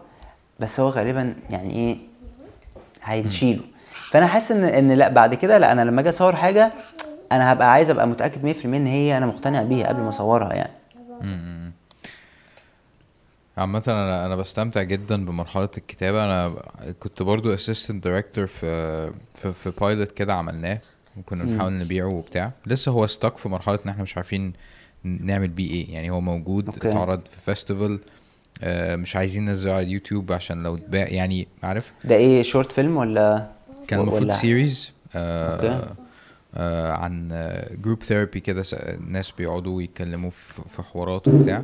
آه فأنا كنت assistant director وكنت أنا المشارك في الكتابة. وكنت برضو بجاهد نفسي جدا في حتة اللي هو إيه أنا المفروض أبقى المخرج عارف؟ اللي هو إزاي مش أنا اللي مش عارف إيه. بس اللي was very satisfying موضوع الكتابة نفسه. اكتشفت نفسي فيه جدا جدا في في ال- في المرحلة دي. آه وفاكر يوم قعدت فيه أكتب من من الصبح لحد الفجر وقاعد بقى فاهم؟ وبتعلم إزاي أكتب script professional ومش عارف إيه وبجيب ال font المظبوط وعارف أنت الليلة دي فاهم؟ كان جامد جدا. وبكتب lines ومش وبتخيل ناس بتتكلم. ولما قدرت أطبق ده بقى مع ممثلين حقيقيين واقعد أتكلم معاهم وأوجههم وبتاع. لا ال process كان آه، ال process كان حلو ومختلف تماما تماما عن اليوتيوب يعني زي ما أنت قلت فعلا طب وهندسة جدا يعني. يعني أنا من الحاجات اللي أنا نفسي أعملها إن أنا أكتب إن أنا أتعلم الكتابه يعني أنا بيبقى في أفكار في دماغي عندي فكرة وحلوة بس أنا ما بعرفش أكتبها. يعني ما عشان كده دايما في واحد صاحبي كريم دليل هو إيه هو زي يعني يعني أي فكره أقوم قايل له بص يا كريم أنا عندي الفكرة دي. وهو يكتب لأن أنا للأسف ما بعرفش أكتب فاهم؟ ونفسي نفسي أكتب ونفسي أتعلم. بدأت حتى دلوقتي أجرب كده في فكرة عندي إن أنا أكتبها وكده بس عشان إيه أدرب عضلة الكتابة نفسها. لأن أنا بحس إن الكتابة honestly يعني هي 90% من الإخراج. أنت أنت أنت مش مش عارف تكتب ولا مش عارف ت format ال- ال- الكتابة؟ لأن في لا. مش ال format يعني format technical حاجة خاص ممكن الواحد يتعلم ال format بس قصدي طب أبدأ يعني الفكرة دي أبدأها إزاي؟ ما هو ده اللي أنا قصدي عليه إن أنت آه، مش okay. مش مش قصدي format إن أنت آه تكتبه لا لا لا. اللي هي زي ما أنت بتقول كده. يعني ال- الفكرة طب الجو- المشهد ده يبدأ بإيه؟ طب وي lead فين؟ ويخلص إزاي من غير ما يبقى آه في حاجة زيادة؟ طب وهيخش المشهد اللي بعده؟ وهكذا يعني. لأن أنا فعلا أنا لاحظت إن ال ال السكريبت اللي مكتوب هو ده اللي بيتحط على الشاشة. تمام؟ وكنت قبل ما قبل ما أخرج الفيلم كنت قعدت مع مخرج آه، صاحبي اسمه تامر عشري. أخرج فيلم اسمه فوتوكوبي آه وعشان أسأله طب يعني أسأله على حاجات بس تفاصيل كده أنا مش فاهمها. فقال لي ان يا آه قلت له كده بالظبط قلت له يعني أنا مثلا افرض في مشهد كده عايزه إن هو الراجل الممثل قاعد ماشي بيتمشى على النيل بالليل يعني مشهد أنا بسميه insert أو beauty shot ده بيتكتب قال لي أي حاجة هتظهر في الشاشة لازم تكون مكتوبة على الورق. لو هيقعد ويبص من الشباك ناحية الشمال اكتب ده. لأن اللي مش مكتوب مش هي اللي بيفرغوا الفيلم أو المساعد الم... مش هيعرف إن ده حاجة تتعمل. فبالتالي الكتابة هي تسع... يعني هي الإخراج. يعني هي في الآخر هي الإخراج. فأنا عشان كده يعني بالنسبة لي نفسي أتعلم الكتابة لأن هي دي اللي أنا هحط فيها ال- الخلاصة بقى. فاهم قصدي؟ الإخراج بقى اللي هو لا تعالى بص فوق شوية بص يمين شوية لا خليك حزين شوية ده تمام يعني ما اونستلي برضو أي حد بيعمله يعني مش خلينا صراحة مع بعض يعني. صح صح صح. بص أنا أنا أنا أنا مش أنا مش بديك نصيحة لأن أنت أكيد أصلا عندك خبرة أكتر مني بس أنا متخيل إن أنت آه، أنت شخص فيجوال كويس؟ بالظبط صح آه، جدا. ف ف فأنت أصلا الكتابة دي أو اللي أنت بتقول أنا في بالي حاجة ومش عارف إيه وعايز أصورها أنت متخيل المشهد في دماغك أصلا. مم. كويس. آه فأنت كل اللي عليك إنك تلاقي طريقة بس إن أنت تكتبه على ورق. فأنا أنا متخيل إن أنت يعني ما ما ما, ما تهدش نفسك بإن أنت تشوف هتكتب إزاي. مم. ارزع فاهم؟ اللي هو واحد مم. بيبص يمين وقاعد على مش يعني اكتب أي كلام لأن لأن ده ده بنعمله كتير إن إحنا نقعد تكتب وتمسح وتكتب مش يعني صح. ارزع جدا. جورنال عارف؟ صح صح. جورنال السنين وهي هي لما لما لما الجملة بتاعت write what you know دي ساعدتني جامد جدا لأن أنا كنت فعلا أنا لاحظت إن أنا كنت بحاول أكتب حاجات عشان صايعة. تمام؟ بس هي في الآخر أنا يعني أنا مش عارف عنها حاجة أو مش عارف أكتبها قوي لما بجرب دلوقتي أكتب حاجة تانية في الكور بتاع شخصيتي أو في الكور بتاع تجربتي لا أنا عارف أكتب فيها أسهل بكتير. من Nice. قبل كده. طبعا لسه فيها مشاكل بس على الأقل هقدر أحط نفسي جوه الشخصية فأقدر آه طب هو ساعتها هيقول كذا أو ساعتها هيبقى ده تفكيره أو كده يعني. ف write what you know دي يعني فرقت معايا قوي مع إنها جملة صغيرة يعني فاهم. nice طيب آه عايزك آه عايزك تتخيل إن أنت في ناس قدامك وده حقيقي في ناس بتسمعك دلوقتي آه عايزين يعرفوا يبتدوا يبتدوا ال career إزاي؟ يعني أنت واحد ماشي في ال traditional أو semi semi traditional route بتاع ال filmmaking آه وأنا ماشي في السكة بتاعت اليوتيوب. كويس. وإحنا الاتنين بشكل ما آه عايزين شوية من اللي التاني بيعمله. يعني أنا عايز explore شوية في اللي أنت بتعمله وأنت عايز ت explore شوية في اليوتيوب. فأنت نصايحك إيه لشخص آه مهتم بال filmmaking أو ال storytelling وعايز يبتدي؟ آه يعني النصيحة اللي أنا أعرفها هي اللي أنا عملتها. ما وهي إن خد كاميرا أو خد قلم تكتب بيه أو خد أي حاجة واعمل. مش بس كده اعمل ونزل و... وخد فيدباك واعمل ونزل وخد فيدباك واعمل يعني قصدي هي ملهاش أي طريقة تانية. في وجهة نظري يمكن أنا راجل كلاسيكي شوية فاهم؟ بس دي الطريقة اللي أنا عملت بيها فاهم؟ زي ما قلت أخدت كاميرا واحد صاحبي مش عارف أشغلها إزاي مش عارف أشغلها فعلا يعني. كلمته قلت له طب هو بدوس على ده ولا ده؟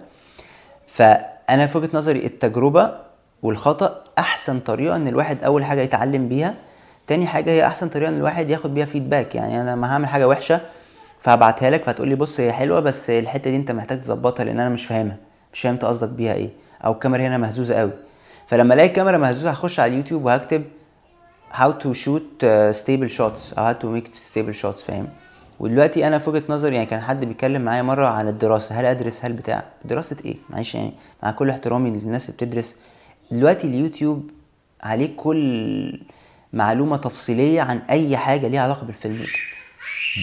أي حاجة تفصيلية. ف ف فنصيحتي الوحيدة إن الواحد يعمل. يعني, يعني ودي النصيحه لي أنا شخصيا. يعني مش بقول اللي هو لا أنا بقول لنفسي اعمل. يعني اعمل واغلط وتطلع حاجة وحشة وبعدين اعمل واحدة تانية وهكذا. وفي العصر بتاعنا ده اللي بينجح مش الشاطر اللي بينجح هو الشخص ال consistent. شوف بقى الجملة بقى اللي هي هاشتاج حكمة فاهم؟ ال consistency هي اللي بتخلي الشخص ده يبقى ناجح. صح. هي نصيحة مستفزة الصراحة بس هي حقيقية. اللي هو أيوه أنا ما قلتليش حاجة يعني بس هي ما أنا ما عنديش حاجة غيرها يعني. للأسف لا يعني. لا لا صح هو ال consistency فعلا ب- ب- بيوجع حتى لما بتقولها كده اللي هو يعني كل يوم فاهم آه بالظبط؟ يعني يعني يعني أنا بصراحة اللي أنتوا بتعملوه في اليوتيوب هي حاجة يعني أصعب حاجة ممكن أنا أتخيلها على نفسي أنا ما أنا ما أقدرش أتخيل إن أنا بعمل كده عايزة discipline وعايزة يعني قوة غير طبيعية إن أنا أعمل content كل مش هقول كل يوم يعني كل أسبوع يا سيدي. حاجة بالنسبة لي شبه مستحيل شبه مستحيل. بس في الآخر اللي بدأ يعمل كده من خمس سنين هو النهارده ناجح. واللي بدأ يعمل كده النهارده كمان خمس سنين هيبقى ناجح. يعني هي ملهاش هي equation equation ما فيهاش أي chance للخطأ. ال consistent حتى على فكرة أنت ممكن تلاقي ناس بتعمل content مش حلو بس هو consistent صح. فالجمهور اتعود عليه. يعني هو بقى متعود إن ال content ده موجود في حياته. وخلاص مش شرط إن هو حلو أو ممتع بس هو موجود في حياته. بيخش يتفرج عليه وخلاص. بس آه، كين هو consistent يعني ما ف يعني أنا يعني أنا نفسي أقول لك طب أنت قول لي النصيحة لحد عايز يعمل حاجة على اليوتيوب. بس يعني خايف تقول لي حاجة تحبطني قوي فاهم؟ اللي هو أحبط خلاص بقى أنا فاهم؟ هنتحر بقى فاهم؟ لا لا لا بالعكس. أنا مش بالعكس أنا كلامي ما بيبقاش محبط خالص. أنا شايف إن أنت جدا جدا عندك الفرصة إنك تعمل ده. بس أنا ما تخيلتش إن أنت عايز. يعني ده اللي ده ده اللي كان مفاجئ بالنسبة لي إنه آه، ال- اللي على اليوتيوب بيبصوا لل filmmakers إنه إحنا عايزين ده في يوم من الأيام. عارف؟ أو أو أو إنه ده أصلا نهاية اليوتيوب يعني نهاية ال career. المطاف آه. بالظبط فاهم؟ فأنت بتبص إن هو الجزء ده برضو مهم جدا واصلا مش شرط يبقى مرتبط بيه. بالظبط. يعني أنا ببص للجزء اليوتيوب إن هو ده ال ال- اللي بيسموه ال long haul يعني ال- المدى الطويل فاهم؟ آه وكمان أنا ببص له كنوع من أنواع ال self expression يعني بالنسبة لي أنا بقى يعني في ناس تانيين يعني لسه كنت بتكلم مع واحد صاحبي عن موضوع ال content ومش عارف إيه. فبيقول لي طب أنت عايز تعمل content ليه؟ عشان تبقى بس بتعمل content ولا أنت فعلا في حاجة عايز تقول يعني يعني هي في في في فرق في ناس هتلاقي فعلا بتعمل content لأن هو خلاص لازم يعمل content وخلاص فبيعمل اي أي حاجة. بس في ناس تعمل content عشان هو في حاجة معينة عايز يقولها في تع... في self expression معين عايز يعمله. أنا بالنسبة لي لو كنت هعمل يوتيوب ده في يوم من الأيام كان هيبقى عشان كده إن هو هيبقى اكسبريس عن نفسي أتكلم عن أيا ما أعرفش يعني. وخلاص مش شرط إن أنا أكون منتظر منه حاجة بس على الأقل كان يبقى عندي ال outlet ده. عندي كده منفذ من الأفكار الفيجوال اللي أنا دي الحاجة الوحيدة بعرف أعملها وحاجة موجودة أقدر أعملها فاهم؟ بس أنا didn't pursue ده أنا ما ما ساعدش وراه. فبقى عندي خلاص باب اتقفل من من الحتة دي يعني فاهم؟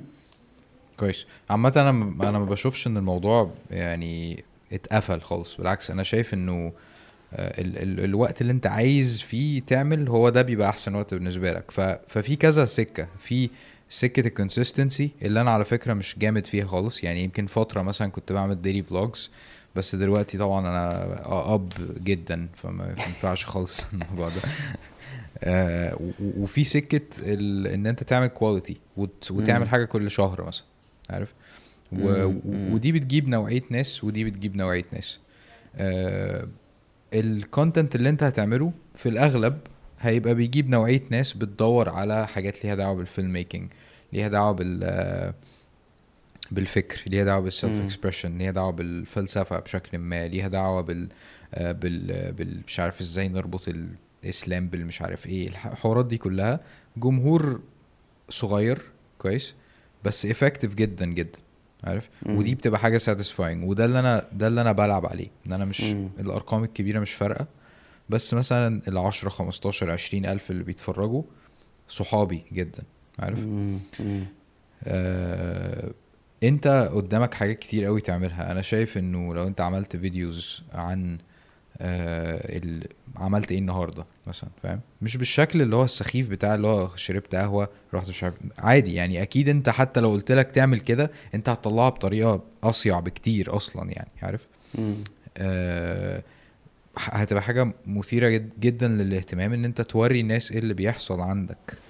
آه ك filmmaker established في مصر بيحاول ي establish نفسه في أمريكا بيحاول يشوف الدنيا ماشية إزاي بيعرفنا. كل الكلام ده. vlog بسيط فاتح كاميرا بتتكلم. ده بقى ممكن يعني دي آه ده أبسط form ممكن بقى يتطور إن أنت مثلا تاخد الكاميرا معاك وتصور مشاهد في اليوم وبعد كده تقعد تستخدمها B-roll فوق.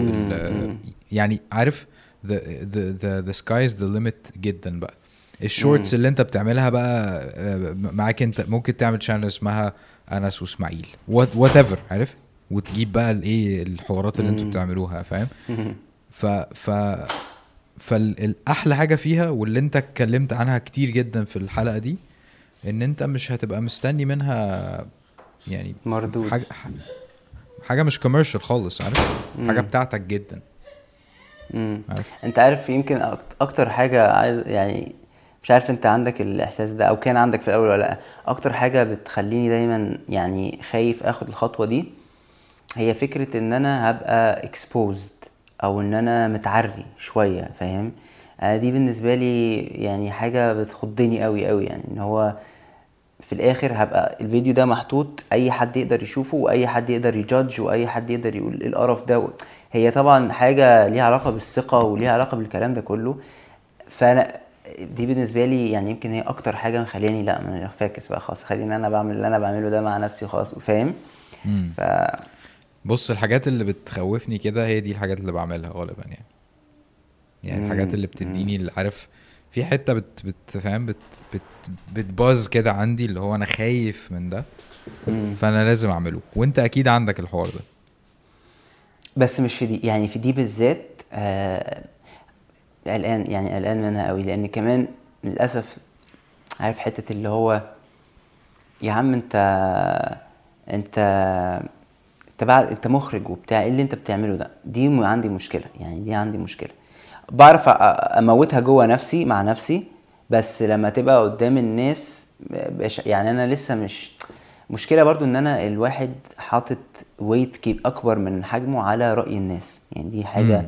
أظن يعني من مساوئ هذا الزمن يعني ومساوئ السوشيال ميديا وكده ان إن الواحد حاطط يعني weight كبير قوي قوي على الناس رأيها إيه وال comments بتاعتها عاملة إزاي. وأنا متخيل يعني إن أنت بت يعني بتشوف حاجات كل يوم بتبقى صعبة عندك يعني كومنتس وفيدباك أكيد. واللي هو لأ ده مش حلو. أنت ما استفدتش حاجة أنت فاكر نفسك مين؟ يا عم أنت جاي فاهم؟ الحتة دي بالنسبة لي بقى فاهم؟ يعني بت- بتضايقني قوي يعني فاهم. ف يعني think دي يعني دي ممكن تبقى من أكتر الحاجات الصعبة لل, لل يعني YouTubers بي بيعانوا بي أو يعني بي go through يعني صح ما.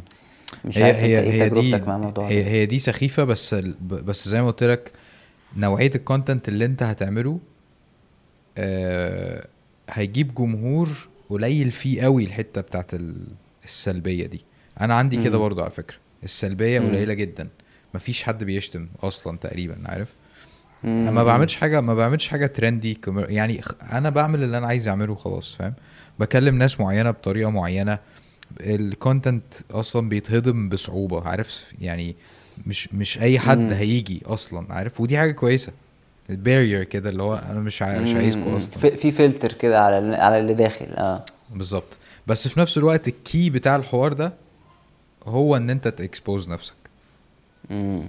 لازم عارف مم. بس بس طبعا مع مع يعني مثلا أنت ربنا يبارك لك في في ولادك. أنت مثلا جايبهم هنا في الحلقة عادي. أنا مش عارف هم باينين في الكاميرا الرئيسية ولا لأ. بس مثلا أنا بختار أنا أنا بختار ما ما ما اظهرش مثلا بنتي ما بظهرش مراتي مثلا. ففي في ليميتس طبعا وأنت اللي بتختارها عارف. آه بس بس خلي بالك إنه الزمن اللي إحنا فيه ده واللي مخلي اليوتيوب جامد جدا مقارنة ب- ب- بهوليوود وبتاع وال- وال celebrities اللي انت بتقول عليهم حقيقيين بتوع الانترنت ان هم relatable جدا. صح 100% وانت لازم أنا أنا شايف انه الحلقة اللي إحنا بنعملها دي هتعرف ناس كتير عليك وتح... وت... وت... وتكسر الايه بالنسبة لك وبالنسبة لهم. اللي هو شاب عادي مجتهد عمل حاجة كان خايف في أول فيلم عادي زينا ما اتولدش تنين. مفيش حد فينا كده أصلا. وده بيخليك أجمد أصلا عند الناس. فاهمني. حتة ال- حتة اللي هو آه، الشخص ده عادي و... وعنده آه، غلطات ونقط ضعف زي أي بني صح أنا يعني دي حاجة طبعا مقتنع بيها 100% طبعا يعني وهي خلي بالك بحس برضو إن الناس اللي بتعمل كونتنت وما بتبقاش جنون بيبان بيبقى طبعا. بيبقى مفهوم ومعروف إن الشخص ده بيمثل طبعا. أو إنه بيمثل إنه جامد أو إنه خايف يبين النقط بيبان يعني فاهم؟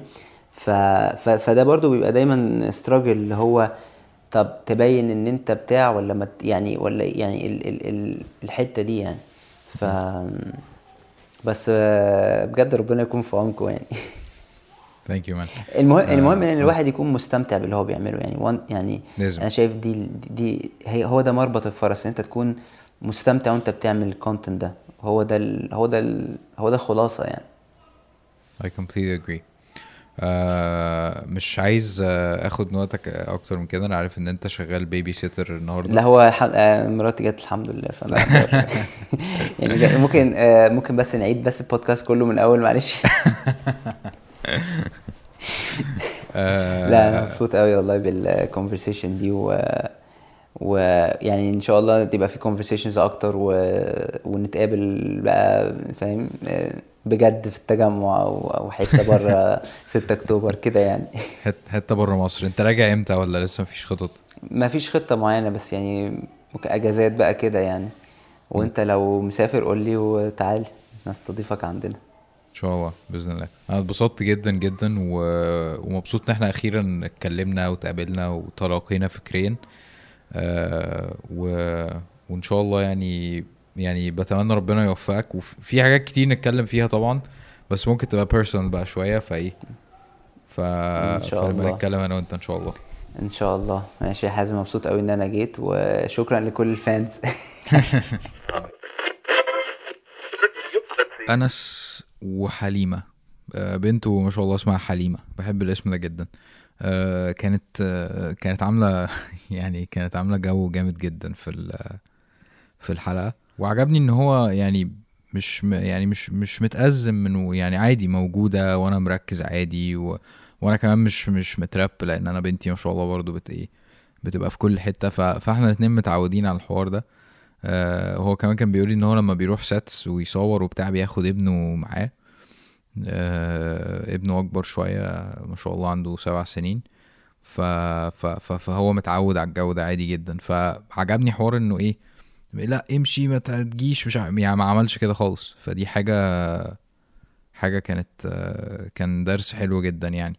آه، اتبسطت جدا جدا. آه، استفدت آه، حسيته لقاء سلس جدا يعني. الدنيا كانت ماشية الحمد لله سموث جدا. عجبني جدا إن هو صور آه، بكاميرته.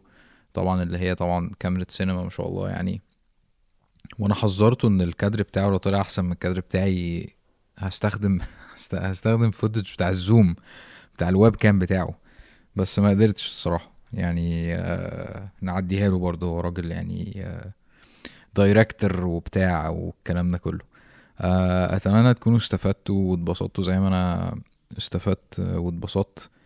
آه أتمنى يعجبكم أصلا ال ال ال ال التنوع بتاع ال بتاع ال بتاع الضيوف. يعني ال- الأسبوع اللي فات كان في حد علم نفس جدا أو فقه نفس زي ما هو آه، زي ما هو آه، بيدرس يعني. والمرة دي مش عارف فيلم ميكنج حوارات زي دي. يعني عايز أنوع عايز أجيب ناس مختلفة عني خالص حتى. الناس ممكن تعمل حاجات أنا مش ما ممكن ما اكونش آه، مقتنع بيها مثلا وأجيبهم أتكلم معاهم في إيه المنطلقات بتاعتهم. فأنا دايما عايز أبقى open minded وممكن ما اكونش minded as I, I, I want. يعني ممكن أكون عايز أصلا أبقى م- open minded أكتر. فال... فالحلقات دي بت... بت... بتسمح لي إن أنا exercise ده أكتر أصلا. اللي هو ما تيجي نجيب حد مختلف خالص. إيه المشكلة؟ إيه اللي هيحصل؟ لازم كل الناس اللي نتكلم معاها نبقى نبقى شبه بعض بالظبط. ما هو إيه الفايدة في ده إن إحنا نقعد نحسس نفسنا إن مفيش حد غيرنا في في العالم؟ ما هو نتكلم مع ناس ن, ن, ن يعني ن, ن, ن نوسع أفق بعض. إيه المشكلة؟ حاجة حاجة جامدة جدا يعني. آه بس ال- اللقاء ده كان آه أعتقد كان conversation أكتر من أي حاجة. آه وكنت هتبسط برضو ايكولي لو كنا عملناه من غير تصوير يعني. ف... ف... فده اللي أنا بحس إنه هي دي الحلقات اللي بتبقى ناجحة اللي هو مش معموله عشان آه، تتصور معموله عشان آه، فعلا مناقشة كلام. و... و... وفي طرف تالت اللي هو ال... الكاميرا أو مثلا المشاهد بيتفرج على اتنين بيتكلموا عادي جدا مفيش أي آه، مفيش أي أهداف تانية يعني. بس ف... ف... ف... فدي كانت ال... دي كانت الحلقة. حابب أفكركم بال course بتاعي هتلاقوه في ال description بتاع ال storytelling اللي فيكم مهتم يتعلم آه، إزاي يحكي قصة و... و... وإزاي يرتب أفكاره وإزاي آه، يعبر عن نفسه آه، بال storytelling سواء عنده YouTube channel أو عايز يبتدي content creation أو أو حتى لو هو copywriter مثلا أو حاجة. هيلاقي link في ال description لل crash course بتاعي. واللي عايز يدعم ال channel على Patreon و- ويدعم البودكاست في إن هو يستمر وإن هو يتطور وإن هو يبقى أقوى. ف Patreon هي أحسن طريقة. وبرضه هتلاقوا ال link في ال description آه بس كده. أشوفكم إن شاء الله في الحلقة الجاية. السلام عليكم.